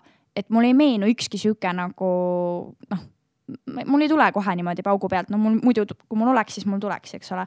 aga mul ei tule niimoodi, et pigem on ikkagi see, et ma saan hästi palju sihukest positiivset ka nagu vastu ja sellist noh, mis nagu teebki mul nagu tuju heaks. ja samamoodi ma olen enda jaoks teinud ka kohe selle, et mina just nagu, kui Ott ütles, et tema nagu alguses luges neid kommentaariumis olevaid kommentaare, siis mina olen selle jaoks endale täiesti, et ma ei hakka oma tuju sellega ära nullima. et ma tean, et noh, see teeks ikkagi, kui ma proovin isegi olla, et ah, et ei, mis seal ikka, et mul paratamatult ikkagi see teeks haiget, et äh, ma ei loe neid ja lihtsalt nii ongi, et ma just olin siin tegelikult selles äh, Telia kampaania, mis oli see suurim julgus et äh, nii äge, et nad nagu kutsusid mind sinna ja siis nemad olid just nagu otsinud just kus siis inimesed on kommenteerinud, et ma ei tea, värdkeha ja mis iganes. ja ma sain peale seda reklaami ja seda kajastust. Inimesed kirjutavad, mis asja, kes see nii kirjutab, mis, just kusjuures Portlandis, kui ma käisin hiljuti, siis üks noormees, kes seal mind teenindas, siis tema noh, seal pani neid asju kotti, siis järsku vaatab, et, et kas sa oled sealt reklaamist, sealt Suurim julgus, siis ma ütlesin, et jaa, et olen. Kas tõesti keegi on sulle niimoodi öelnud, värdkeha või ma ei saa aru. ühesõnaga niimoodi, siis ta hakkas, siis ta ütles nii nuinusti, et noh, ta küsis siis, et kui vana ma olen, ma ütlesin, et jaa, et ma olen seitseteist, siis ta ütles, et aa, et ma olen ka seitseteist, et aga hoia siis meie lipp, seitsmeteistaastaste lipulaeva kõrges. ma ütlesin, et nagu ma teen seda, et noh, et nagu sihuke, et kui võõras inimene tuleb, ütleb midagi nagu nii hästi, et siis, siis on nagu seda nagu lust kuulata, et aga noh, sihukest negatiivset ikkagi keegi näkku otsa ei tule nagu ütlema, et pigem on see ikkagi see, et kui sa saad olla anonüümne, siis inimesed tulevad ja ütlevad ja on nagu kõvad mehed, eks ole et aga niimoodi postkasti mulle ikka naljalt neid äh, negatiivseid kommentaare ei tule äh, Teie tegelete igapäevaselt nüüd sellega, et ennast vormis hoida, aga kui te vaatate ühiskonnas ringi, eriti sina nagu noorte seas, siis kas kõik inimesed on meil tervislikud või kuidas meil ühiskonnas on see? no ikka väga ei ole, et no ma ei hakka nüüd kõiki ühte patta ajama, et täpselt noh, ma arvan, nagu alati on ikkagi need, kes nagu hoolivad enda füüsilisest tervise poole pealt ja on neid, kes ei hooli sellest, et aga noh, kui ma vaatan kasvõi oma sõprusringkonda, siis ikkagi näiteks just siuksed lihtsad asjad, et nagu see toitumise pool, et tegelikult kui nagu inimene natukenegi viitsiks pühendada aega ja nagu aru saada, et milleks on midagi vaja süüa või kui palju et, äh, et see nagu oluliselt muudaks seda linnapilti, ma arvan ka. Ja just minu arust on hea see, kui me oleme siin äh, perega käinud spaas või kuskil või no kasvõi suvel rannas, siis noh, nagu see vaatepilt on suhteliselt kurb nagu. Ja eks see kõik hakkabki noh, väikestest lastest on arusaadav, et tegelikult see vanemate äh, nii-öelda eeskuju ja noh, väike laps ei saa öelda, et ei, kuule, ma ei tea, ema tellib pitsat, et siis no väike laps, et ei tee mulle, ma ei tea, seal mingi kana ja riid, no, no ei ole nii, et noh, ta ikkagi sööb seda, mida talle kodus antakse ja mis kodus külmkapis on. Et äh, see hakkab ikkagi kõik sealt pihta, aga ma arvan, et minu arust võiks koolis olla selline nagu konkreetselt sihuke nagu ainetund, kus räägitaksegi mingit toitumisest niimoodi, et nagu mingi sihuke A ja O on ju, et noh, et äh, kui palju, miks meile midagi vaja on, et äh, noh, nagu mulle meeldib see lause, et me teame, on ju, umbes bioloogias kõike, ma ei tea, konna siseelundeid ja mida iganes, on ju, aga just siuksed elementaarsed asjad, et kuidas meie keha on üles ehitatud ja just, et mida me selleks vajame, et see kõik normaalselt toimiks, et, et minu arust tulevikus võiks sihuke asi nagu kooli õppekavas nagu kohustuslik olla, sest et noh, ongi, et muidu igaüks hakkab oma peaga tegema ja siis kõik, kes kooliinfo inimestest vaatavad, siis pange võtke. nüüd kohe õppekavasse. no minu arust võiks, et noh, nagu okei okay,, väga üldiselt on seal midagi räägitud, aga ma ei mäleta niimoodi, et ma nüüd õpikust oleks lugenud, et okei okay,, see on meile vajalik või no kasvõi mingid valgud, süsivesikud, rasvad, no sihukest asja ei ole nagu, et see võiks kindlasti olla nagu õppekavas kui suurt rolli sina, Ott, näed lapsevanemana noore inimese siis väljakujundamises sportlikuks ja tervislikuks ja? No väga suurt, sest ega tegelikult ju, kus kasvõi Amani enda toitumisharjumus sai alguse, oli ikkagi see, kui istusime laua ääres ja ta õppis ju sööma tegelikult sama sarnast toitu juba lapsest maast ja madalast nagu. ma mäletan ju siiamaani ka seda, kui me elasime tol ajal Keskturu kõrval, kui ma tulin turult ja selle asemel, et laps küsiks, kas sa kommi tõid, ta küsis, kas sa mune tõid see oli, ma ei mäleta, võib-olla ta võis olla sihuke kolmene. ja olin jah. see oli noh, noh, see näitabki tegelikult ju kodus kasvatust, et ega noh, ta harjus sööma ja kui talle meeldisid need asjad, siis, siis ta hiljem ei pidanud talle neid enam õpetama, et kuule, et see on nüüd kasulik ja söö seda, siis ta istus. ma mäletan mingid mälupildid on, kus ma lihtsalt noh, oma võistluseelne dieet oli käimas, ma kuhugi jälle valmistusin või sõin isegi hooajaväliselt, no lihtsalt kogus oli suurem, aga no põhimõtteliselt ikkagi sarnane toit, mida me sööme täna, ega siis ta istus süles ja sai sealt samamoodi sõi, siis sai noh, neid samu toidu, jah. Nii et eh, eks see väga palju saavad ära teha, sest tegelikult eeskuju hakkab vanematest ja noh, ma tihti käin ju rääkimas ka koolides ja, ja lastevanematele ja trennides ja seal omakorda vanematele, ma ütlesingi, et, et noh, ikka lapsed on meie, meie endi nagu peegel noh ja, ja paratamatult, kui midagi on viltu, siis igaüks saab vaadata ka iseendale kõigepealt otsa ja küsida, et mida mina võib-olla oleks saanud teha teistmoodi või mida ma homme saan teha. sest ega väga palju me pöörata ei saa, aga me saame suunata homme õiges suunas seda, aga eeskuju on kindlasti nakkav, et hull on see, kui sa ise jätkad söömist ja sa heidad võib-olla siis lastele ette, et kuulge, et te peaks nagu tervislikumalt sööma, et tehke kõigepealt ise see muudatus enda toidulaual ja siis, siis on palju lihtsam ka lastele seda nagu küsida või soovitada nagu või siis aetakse lapsi trenni ja ise seda ei tehta? jah, noh, tihti on ka see, et kui ma vaatangi ju lapsevanemad toovad lapse trenni, samal ajal meil on tegelikult võimalus, ütleme seal kasvõi Spartas, kus me ise treenime. noh, lapsevanemad istuvad terve selle aja, kui laps on trennis, noh, sama hästi võinud ise minna tund aega teha trenni samal ajal sa ei pea ei sõitma kuskile, sa raiskad lihtsalt selle tunni jälle jumal teab mille peale telefoni peal istumises ära, et teha tund aega ise käia rühmatrennis näiteks ära samas või jõusaalis, vahet ei ole. nii et eh, palju sihukest asja kindlasti, kus saaks aega nagu minu arvates targemini kasutada, jah kui palju teil üldse treeningtunde tuleb nädalas? Mm, no ikka, kui siin sihuke ettevalmistus ja kõik see, siis ma ikka viis korda nädalas tuleb ikka mul, et mul on kaks trennipäeva, üks vaba. et äh, kui paljud on, et ah issand, sa käid kindlasti iga päev trennis, siis see ei ole nii, et noh, kehal on vaja ikkagi puhata ka ja tegelikult see kogu protsess on ikkagi nii-öelda sihuke magamine ja puhkamine, et tegelikult siis nii-öelda toimub see õige nii-öelda lihaste ülesehitus aga tavaliselt tund aega korraga või ikka pikemalt no ollakse mingi- jõusaalis või kuidas? no see sõltub, mulle no, meeldib poolteist poolteist ja et noh, ma pigem tahaks nagu kiiremini saada selle asjaga, mitte elama sinna jääda, aga pigem teha kiiremalt ja intensiivsemalt kui seda, et ma seal mingi kaks, kaks pool tundi teen, et seda ma nagu. no aja jooksul mul on ka need mahud kindlasti on äh, kordades vähenenud, et olid ajad, kus sai ka kuni kakskümmend kaheksa treeningtundi nädalas tehtud, et äh, ka selline aeg oli ka mingis ettevalmistusperioodis täiesti olemas. kuidas sa ennast ribadeks ei tõmmanud? Noh, eks sa talud mingi hetk, vaata, kui sa jälle kuskilt maalt arvad, et rohkem treenimine annab sulle parema tulemuse, noh siis äh, teatud äh, iseloomujoonte puhul, kui sul on sellist äh, teotahet, siis sa kutsud selle esile, aga noh, kui sa lõpus saad aru, et äh, tulemus sellest ei parane, et võib-olla selgub, et kui sa poole vähem teed, et kui sa teed ka neliteist tundi nädalas trenni, siis on sellest tegelikult küll ja küll, et, et eks see, eks see ongi mõneti selline piiride kompamine, noh, seda tehakse küll enamalt jaolt vastupidavusaladel, kus tihti arvutatakse, kui ma teen seda rohkem mahtu alla, noh, et seeläbi kuidagi saad sa saavutusvõimet paraneda. jõualade puhul on tegelikult ka väga selgelt selgeks tehtud, et, et noh, liiga pikad trennid ei, ei ole efektiivsed ja, ja nad ei stimuleeri tegelikult kuidagipidi seda progressi, nii et äh, pigem täna on ka läinud seda ja noh, tõenäoliselt vanusega ka koos, et äh, ikkagi trenn läheb lühemaks ja pigem pigem vähem kui rohkem nagu, et varem oli ikkagi see, noh, ma tagasi vaadates, kui ma saaks midagi muuta, siis ma arvan, et ma ikkagi selline teatud perioodil kolme poole tunnised, neljatunnised treeningud asendaksin oluliselt lühematega. kas see on natuke Aga- see work smarter, not harder? jah, tõenäoliselt küll, aga noh, eks vaata, et mingid asjad ongi vaja läbi kogeda ja täna seda lihtsam on anda vaata soovitusi teistele inimestele, kes tulevad sama jutuga, et äkki, äkki me peaks tegema rohkem, noh siis sul on tugineda, vaata üks asi, kui sa kuuled midagi, teine asi, kui sa oled seda kogenud, tood näitena, tegime nii, noh tulemus ei olnud parem, siis kui sa tahad proovida, no sa võid seda teha, aga ma olen hoiatanud, et, et selles mõttes nagu ei ole, noh, sa tugined väga selgele kogemusele täna. lihtsalt jah, ma ütlen muidugi kahju natukene. aga te veedate väga palju aega jõusaalis, aga kas on ka mingid muud spordialad, mis teile meeldivad, mida harrastada?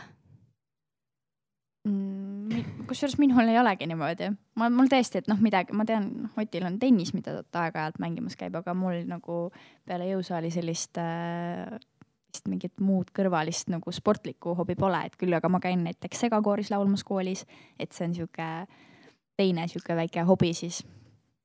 mul on olnud ja suviti on rulluisutamine olnud selline hobi, küll vist nüüd oli esimene suvi, kus ma ei saanud kordagi rulli alla, aga varasemad aastad on ikkagi nii olnud, et ma siin äkki kaks aastat tagasi sõitsin isegi Tartu rulluisumaratoni läbi ja siis aeg-ajalt, kuna elukaaslane mängib harrastustennist, siis ka tennist, aga see, ütleme, piir tuli ka aasta tagasi, kui ma sain selle tennise küünarnuki sealt. Epikondiliidi ja, ja ütlen ausalt, see on nüüd aasta aega, nüüd, nüüd on see ära läinud, nii et ma ei teagi, kas nüüd peaks uuesti trenni minema, aga, aga noh, peale seda praktiliselt jah, mul oli endal hästi tihe hooaeg ja siis tuli see tennisesse epikondiliit ka, see oli päris hull, noh, see käsi ikkagi andis kogu aeg tunda, noh nii et siis on ka seda vähem tulnud, nii et ega väga palju nüüd ei ole jäänud millegi muu jaoks selle oma erialase treeningu, noh, kus on nii kardiotreeningud kui ka siis jõutreeningud, et selle kõrvalt võib-olla nagu aega isegi või tahtmist millegi muuga väga palju tegeleda.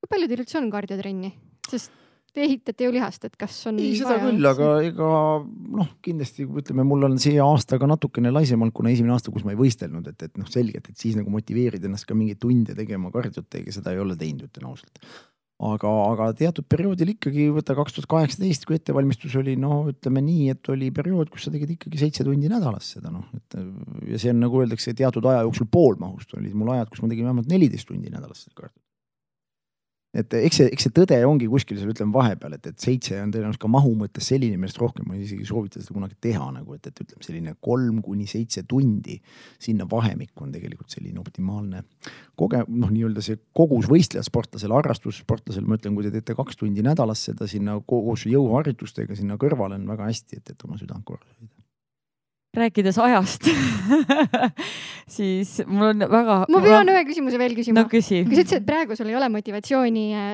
nagu teha mingeid teatud asju, siis kuidas nendel hetkedel, kui on vähe motivatsiooni, te ikkagi ennast jõusaali veate või kardiotreeningusse veate või mis see valem on, et kui nüüd keegi kuulab ja mõtleb, et noh, et aa, uuel aastal tahaks ikka pihta hakata ja trenni teha, et pole aasta aega trenni teinud.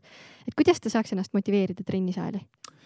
Väga lihtne, pange endale väga selge eesmärk, kirjutage välja, ma ausalt öeldes sellel, see oli vist üle tükk aja esimene hooaeg ka, kus ma nüüd ei kirjutanud oma eesmärke välja, mida ma tahan spordis saada, mida ma tahan kuskil äris saada, mida ma tahan kuskil, ma ei tea, pereelus saada, et eh, tegelikult on väga selge, kui sa kirjutad need asjad väga selgelt välja, mis iganes vormi sa tahad saada, sa hakkad tegutsema selle nimel, sa hakkad vaatama, soovitan kasvõi kord kvartalis võtta seesama vigur lahti ja vaadata, kui palju te olete täitnud nendest asjadest ära, mida te tahate aasta lõpuks saada nagu ma arvan, et see on kõige liikuma panevam asi, mis vähemalt minu enda puhul küll on olnud, et ma olen seda aastaid tegelikult varem teinud, eesmärgistanud oma tegevusi ja ütlen ausalt, et aasta lõpus sa võtad lahti. ma ei taha öelda, et kõik on nüüd täitunud, mida ma sinna kirjutasin, sest alati tasub ka natukene rohkem panna, kui sa võib-olla isegi võib-olla tol hetkel arvad.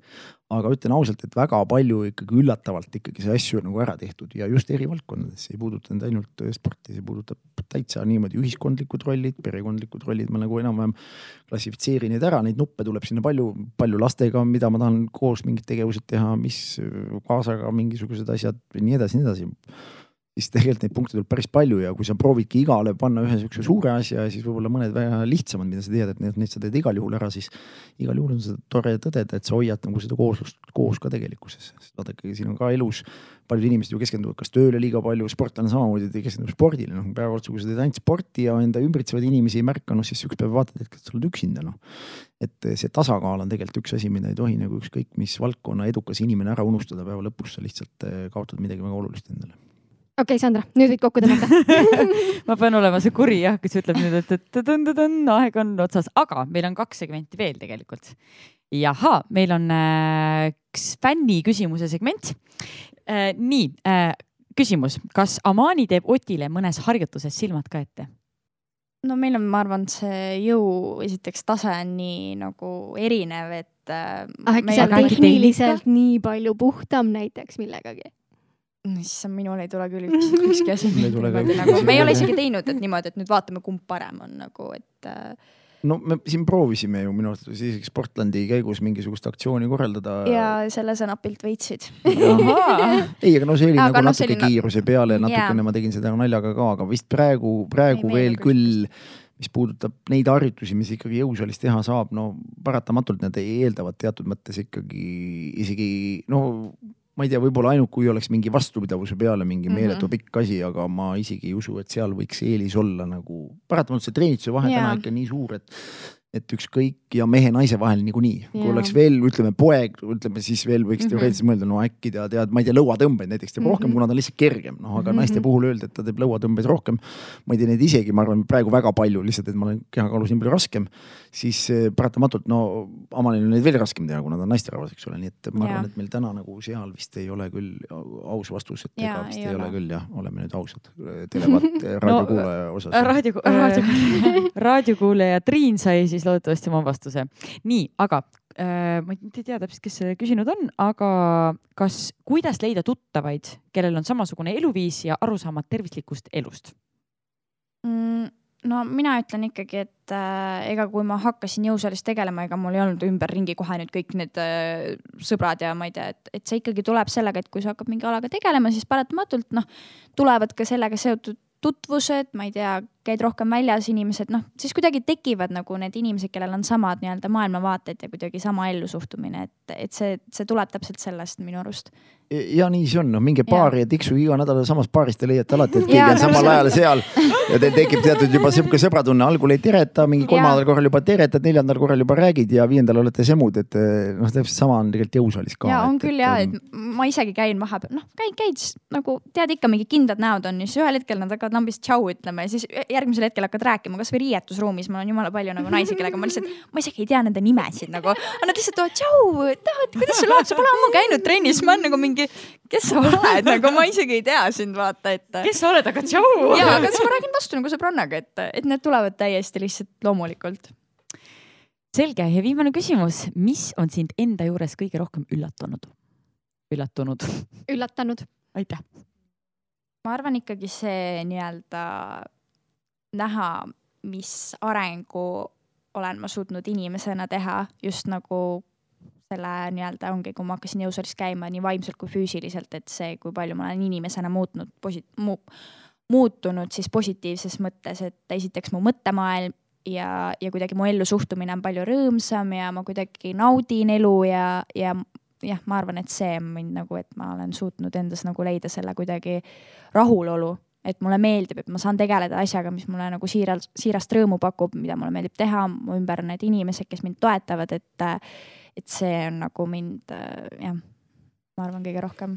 ma arvan, et minu puhul võib-olla aja jooksul nüüd lihtsalt ma võrdlen ennast mingist hetkest mingini, on üllatanud ikkagi see tahe olla homme parem inimene, kui ma olin eile. võib-olla see on üks iseloomujoon, sest vaata, võib-olla ka tänu sellele, et elu on olnud minuga selline, et mul on olnud päris erinevaid mitmeid kooselusid ja iga see suhe on ju teatud põhjusel alati lõppenud, eks ole, ja alati see analüüs ka, no mis läks viltu, miks asjad nii läksid. ja igas järgmises suhtes vähemalt ähm, tänase päevani ma olen tahtnud nagu vältida neid vigu, mida ma siis olen teinud varasemalt, eks ole. mis tähendab omakorda seda, et sa pead iga inimesega õppima arvestama, sa pead oma teatud negatiivsed omadused, mis sul on, kohandama ja vajadusel maha suruma, ümber õppima ja et see soov nagu on olemas, ma arvan, see on üks kõige olulisemaid asju igasuguse rahu saavutamiseks, ükskõik millises ühiskonnas, ükskõik millises seltskonnas sa viibid. et sa pead õppima arvestama teiste inimestega ja vajadusel ka iseennast muutma paindlikumaks. ma arvan, et seda paljud ei tee, vaata inimesed tõesti ütlevadki, ma olen juba nii vana ja ma juba olengi selline ja no aga mina ei taha selline olla, mina tahan homme olla selline, kellega on meeldiv koos olla, kellega on meeldiv asju ajada, kellega, kelle seas inimesed tunnevad ennast hästi ja vot see on üks minu arvates äh, inimlik omadus, mille üle ma olen enda üle uhke. jah, nii ongi. väga hästi öeldud meil on veel kõige viimane segment, mis on niisugune väike soovituste segmendikene, kus me küsime väga konkreetsed küsimused lihtsalt äh, mõlemalt teilt ära äh,. raamat või podcast, mida soovitaksid teistele inimestele? ma vist tean, mida Ott tahab öelda. võib öelda. no ütle ei, ma olen lihtsalt lugenud nii palju viimasel ajal, vaata, mul on hea see, et mul heal sõbral on trükikoda.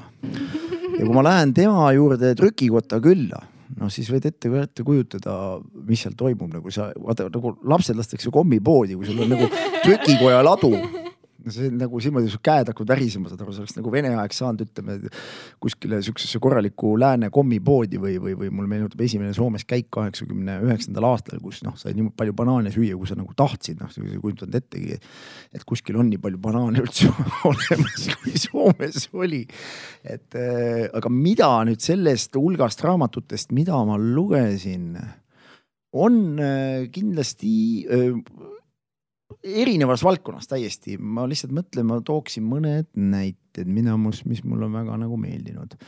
üks on äkki selline raamat nagu Aju, sinu lugu äkki, selline raamat on ilmunud, et parem üldse aru saada, miks me niimoodi mõtleme, miks me täna siin üldse räägime, nii nagu me räägime. siis võib-olla mm, eluloo raamatutes kindlasti Steve Jobsi elulugu oli üks niisugune ka väga hea, et üldse ülevaade tegelikult naljakas, mäletan pooli asju üldse, mis arvutimaailmas on toimunud, aga ta nagu selles mõttes nagu kogu see ajalugu on sul ette nagu lahti rullitud ka, et, et kui alles see oli tegelikult, kui, kui neid asju ei olnud ja, ja kuidas tegelikult see areng nagu, nagu toimus ja see võidujooks see on üks väga hea raamat. täna võib-olla finantsmaailmast üks sihuke, mida ma praegu loen, mis ei ole küll uus raamat, aga mis mulle siin hea sõber äh, kinkis, on eh, Kuidas saada rikkaks. Mm, selline lihtsalt hariv, et ma arvan, selle võiks anda igale koolijutsile kätte, et lugeda lihtsalt, kuidas õppida säästma, kuidas õppida investeerima ja lihtsalt mingid algtõed nagu üldse noh, natuke vaadata oma tarbimisharjumusi ümber, et ma arvan, et samamoodi, et need on täiesti seinast seina raamatud. aga kui te küsite näiteks, mis on niisugune motivatsiooniraamat või niisugune noh, ma ütlen ausalt, et ma lugesin ka just hiljuti viimase sõidu peal Iirimaale lugesin läbi Rait Ratassepa eluloo, mis oli ütleme selles mõttes huvitav, et ta ei ole võib-olla noh, nüüd eluloo raamatuna nii põnev, kuna noh, seal ei kirjeldata väga palju seda, mis jääb nagu väljapoole seda, aga lihtsalt võib-olla inimese nagu tahtejõust ja üldse, et noh, kui sa teed nagu neljakümnel päeval nagu nelikümmend seda ultratriatloni läbi, no seda on isegi spordiinimesel raske on sellest aru saada, aga lihtsalt noh, et mis nagu selle inimese nagu peas nagu toimub ja kuidas, kuidas tegelikult tegelikult inimene tegelikult eh, noh, tihti seab endale need piirid nagu, aga kui sa õpid nendest piiridest väljaspoole mõtlema, et meie suutlikkus ja, ja tänu sellistele inimestele tõenäoliselt nii vaimses kui füüsilises mõttes meie, me isegi täna tõenäoliselt ei kujuta ette, milleks inimese aju nagu ja inimese organism üldse füüsis on nagu võimelised. tänu sellistele inimestele, ma arvan, paljud inimesed hakkavad palju rohkem uskuma, kui nad täna suutelised on, et, et no järjest, ma arvan, täiesti piisav hulk raamatuid, mida võiks lugeda ja mul tuli äh,, mis ma lugesin ka hiljuti, on sihuke raamat nagu Emotsioonid. et äh, see on ka hästi sihuke psühholoogiline raamat, et ta räägibki sellest äh, samamoodi sihukesest nagu mõttemaailmast ja sellest, kuidas inimesed äh, peaksid rohkem nii-öelda oma mõtteid nagu suunama nendele asjadele, mis nad soovivad siis kas saavutada või endale ligi tõmmata, et äh, see on sihuke nagu teaduspõhine, aga mulle nagu hästi meeldis see. Ingvar Pillitoo raamat. jaa. -hmm mõni Instagrami konto, mida te soovitaksite ka teistel jälgida? soovitan ise mind jälgida väga õige, väga õige, väga õige, peab tegema, just. ei nagu. aga mis sisu sa jagad seal, et võib-olla kuulajad meil ei tea, et äh, äh,? no ikkagi selles mõttes, et ma olen proovinud niimoodi, et äh, mul ei ole ainult kuidagi ennast, endast kuvada ainult sellist äh, pilti, et ma nüüd olen ainult äh, trennis ja toitun nüüd äh, nagu mingi musterinimene, et pigem ma olen tahtnud säilitada seda, et ma panengi sinna ka perepilte ja ma panengi sinna, kui ma tahan mingi selfie ülesse, et sihuke kuidagi, et ma ei taha tekitada, et tead, sotsiaalmeedias ma olen üks inimene ja päriselus ma olen teine inimene, et hästi paljusid ma tean, kes on niimoodi, et noh, päriselus tuleb vastu, ta ei tee sõnagi, noh, absoluutselt nagu ei räägi, on ju, aga sotsiaalmeedias umbes story des räägib nii, et nagu noh, nagu tundub justkui hästi seltskondlik inimene, et siis tekibki, et okei okay,, et nagu oled sa ikka sama inimene. et äh, nii on. Ma, ma ei mäleta selle nüüd nime, ma jälgin päris paljusid inimesi, raske on kedagi persoonina esile tuua sest eh, teatud inimesed on lihtsalt eh, kas tuntud inimesed, teatud inimesed mm -hmm. on mhm. lihtsalt mul erialaselt sellised inimesed, keda ma lihtsalt noh, hea oleks teada, mida nad nagu igapäevaselt toimetavad, eh, kelle pealt õppida, ma arvan, üks, üks hariv nagu asi, mis jõusal inimestel on, ma küll praegu hetkel ei hõika seda välja, kuna ma seda iga päev ei vaata ju seda, mis see kasutaja nimi seal on, aga üks, mis on, harib just jõusaali valdkonnas ja kus õpetab tegelikult nii erinevaid abiharjutusi erinevate vigastuste ja asjade puhul näitama, kuidas nii-öelda, kas neid nüüd vältida aga vähemasti ennetada teatud äh, asju ja, ja hästi anatoomiliselt nagu lihtsalt, selgelt äh, ja, ja professionaalselt, teaduspõhiselt, et äh, vot see on see reaalselt, ma võtan selle lahti, ma saan targemaks nagu, et vähe on nagu noh neid, keda sa vaatad ja sa õpid midagi, vot see on üks, mida ma vaatan ja vaatan, okei okay,, väga hea, ma ise, iga päev tegutsen selles valdkonnas, aga no ma ei ole ei füsioterapeut ega, ega mingisugune muu selline inimene, et, et siis on hea ikkagi vaadata, kui on teatud juhul või, või mingid sümptomid teatud liigutustest, siis ma juba treenerina saan aru, et ahah, me peame tegelikult tegema neid, neid, neid abiharjutusi, et seda vältida kasvõi tulevikus mingeid suuremaid probleeme, et vot ma hiljem võin kasvõi selle saata, mis on selle mm -hmm. konkreetse nimi, nimi, et vot see on tõesti, kus ma nagu, sa jääd vaatama ja sa saad aru, et see ei ole raisatud aeg, et, et sealt õppida mm -hmm. natukene. lühikesed videod väga puust ja punasega ette tehtud. Need on väga ägedad kanalid kõik mm. -hmm. nii, aga meie kõige viimane küsimus selle podcast'i juures on, mis on üks sinu imelik ja, või positiivne harjumus, mida soovitaksid ka teistele?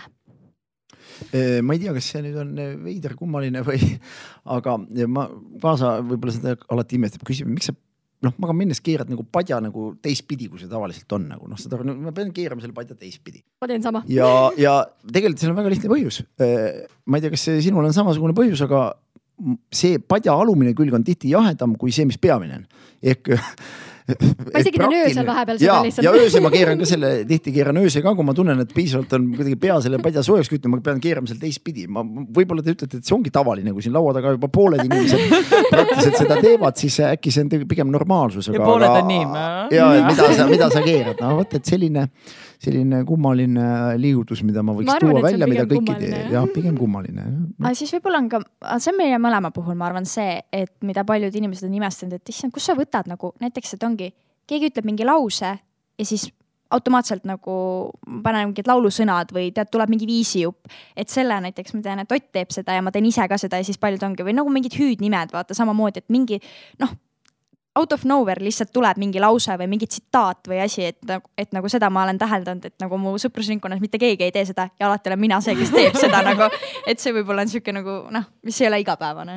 jah, seda nii on, minul kipub ka praktiliselt nii, et keegi ütleb sõna, noh, ma ei Ma tea, meri rääkima. ja minul tuleb kohe On- ütle meri mu meri. No mingi tead naljakas ja kohe viskab peale mingisuguse, mingi täiesti suva. Kas laulad välja ka või? no päris nii hästi ei laula, aga vahest mulle meeldib küll laulda ja ma ei hakka seda praegu seda oskust demonstreerima, muideks ma õpin kitarri praegu ka, nii et. no järgmises podcast'is siis podcast'is äh, juba tuleme laivi, lendame juba laivi. väga tuus. Kuulge suur-suur-suur aitäh, et te meile külla tulite, see oli väga äge podcast, taaskord nii palju huvitavat informatsiooni. pooled küsimused jäid jälle küsimata. aitäh kutsumast. ja aitäh kutsumast ja väga tore, kui keegi viitsib selle lõpuni kuulata ja Aitäh ausalt teile, öeldes, kui kallid kuulajad. soovitab ka ke- kellelgi teisel kuulata, et kui tervet ei jõua kuulata, kuulake pool, aga kuulake tähelepanelikult, nii et see ongi meie soovitus ja loomulikult kaks tuhat kakskümmend koputab juba uksele. Me ei teagi, kas on paslik, kell on kuus, aga kuue tunni pärast üks inimene saab siin täisealiseks, nii et eh, Aminale siit juba laseme võib-olla sellised eh, sünnipäevatervitused ka teele. ja nagu soovilugu ka, siis tuleks Vello Ormets ja las mööduvad aastad. saab siia lõppu ilusasti. las mööduvad aastad, las halliks läheb pea. kui tagasi vaatad, oled kõiki nii hea.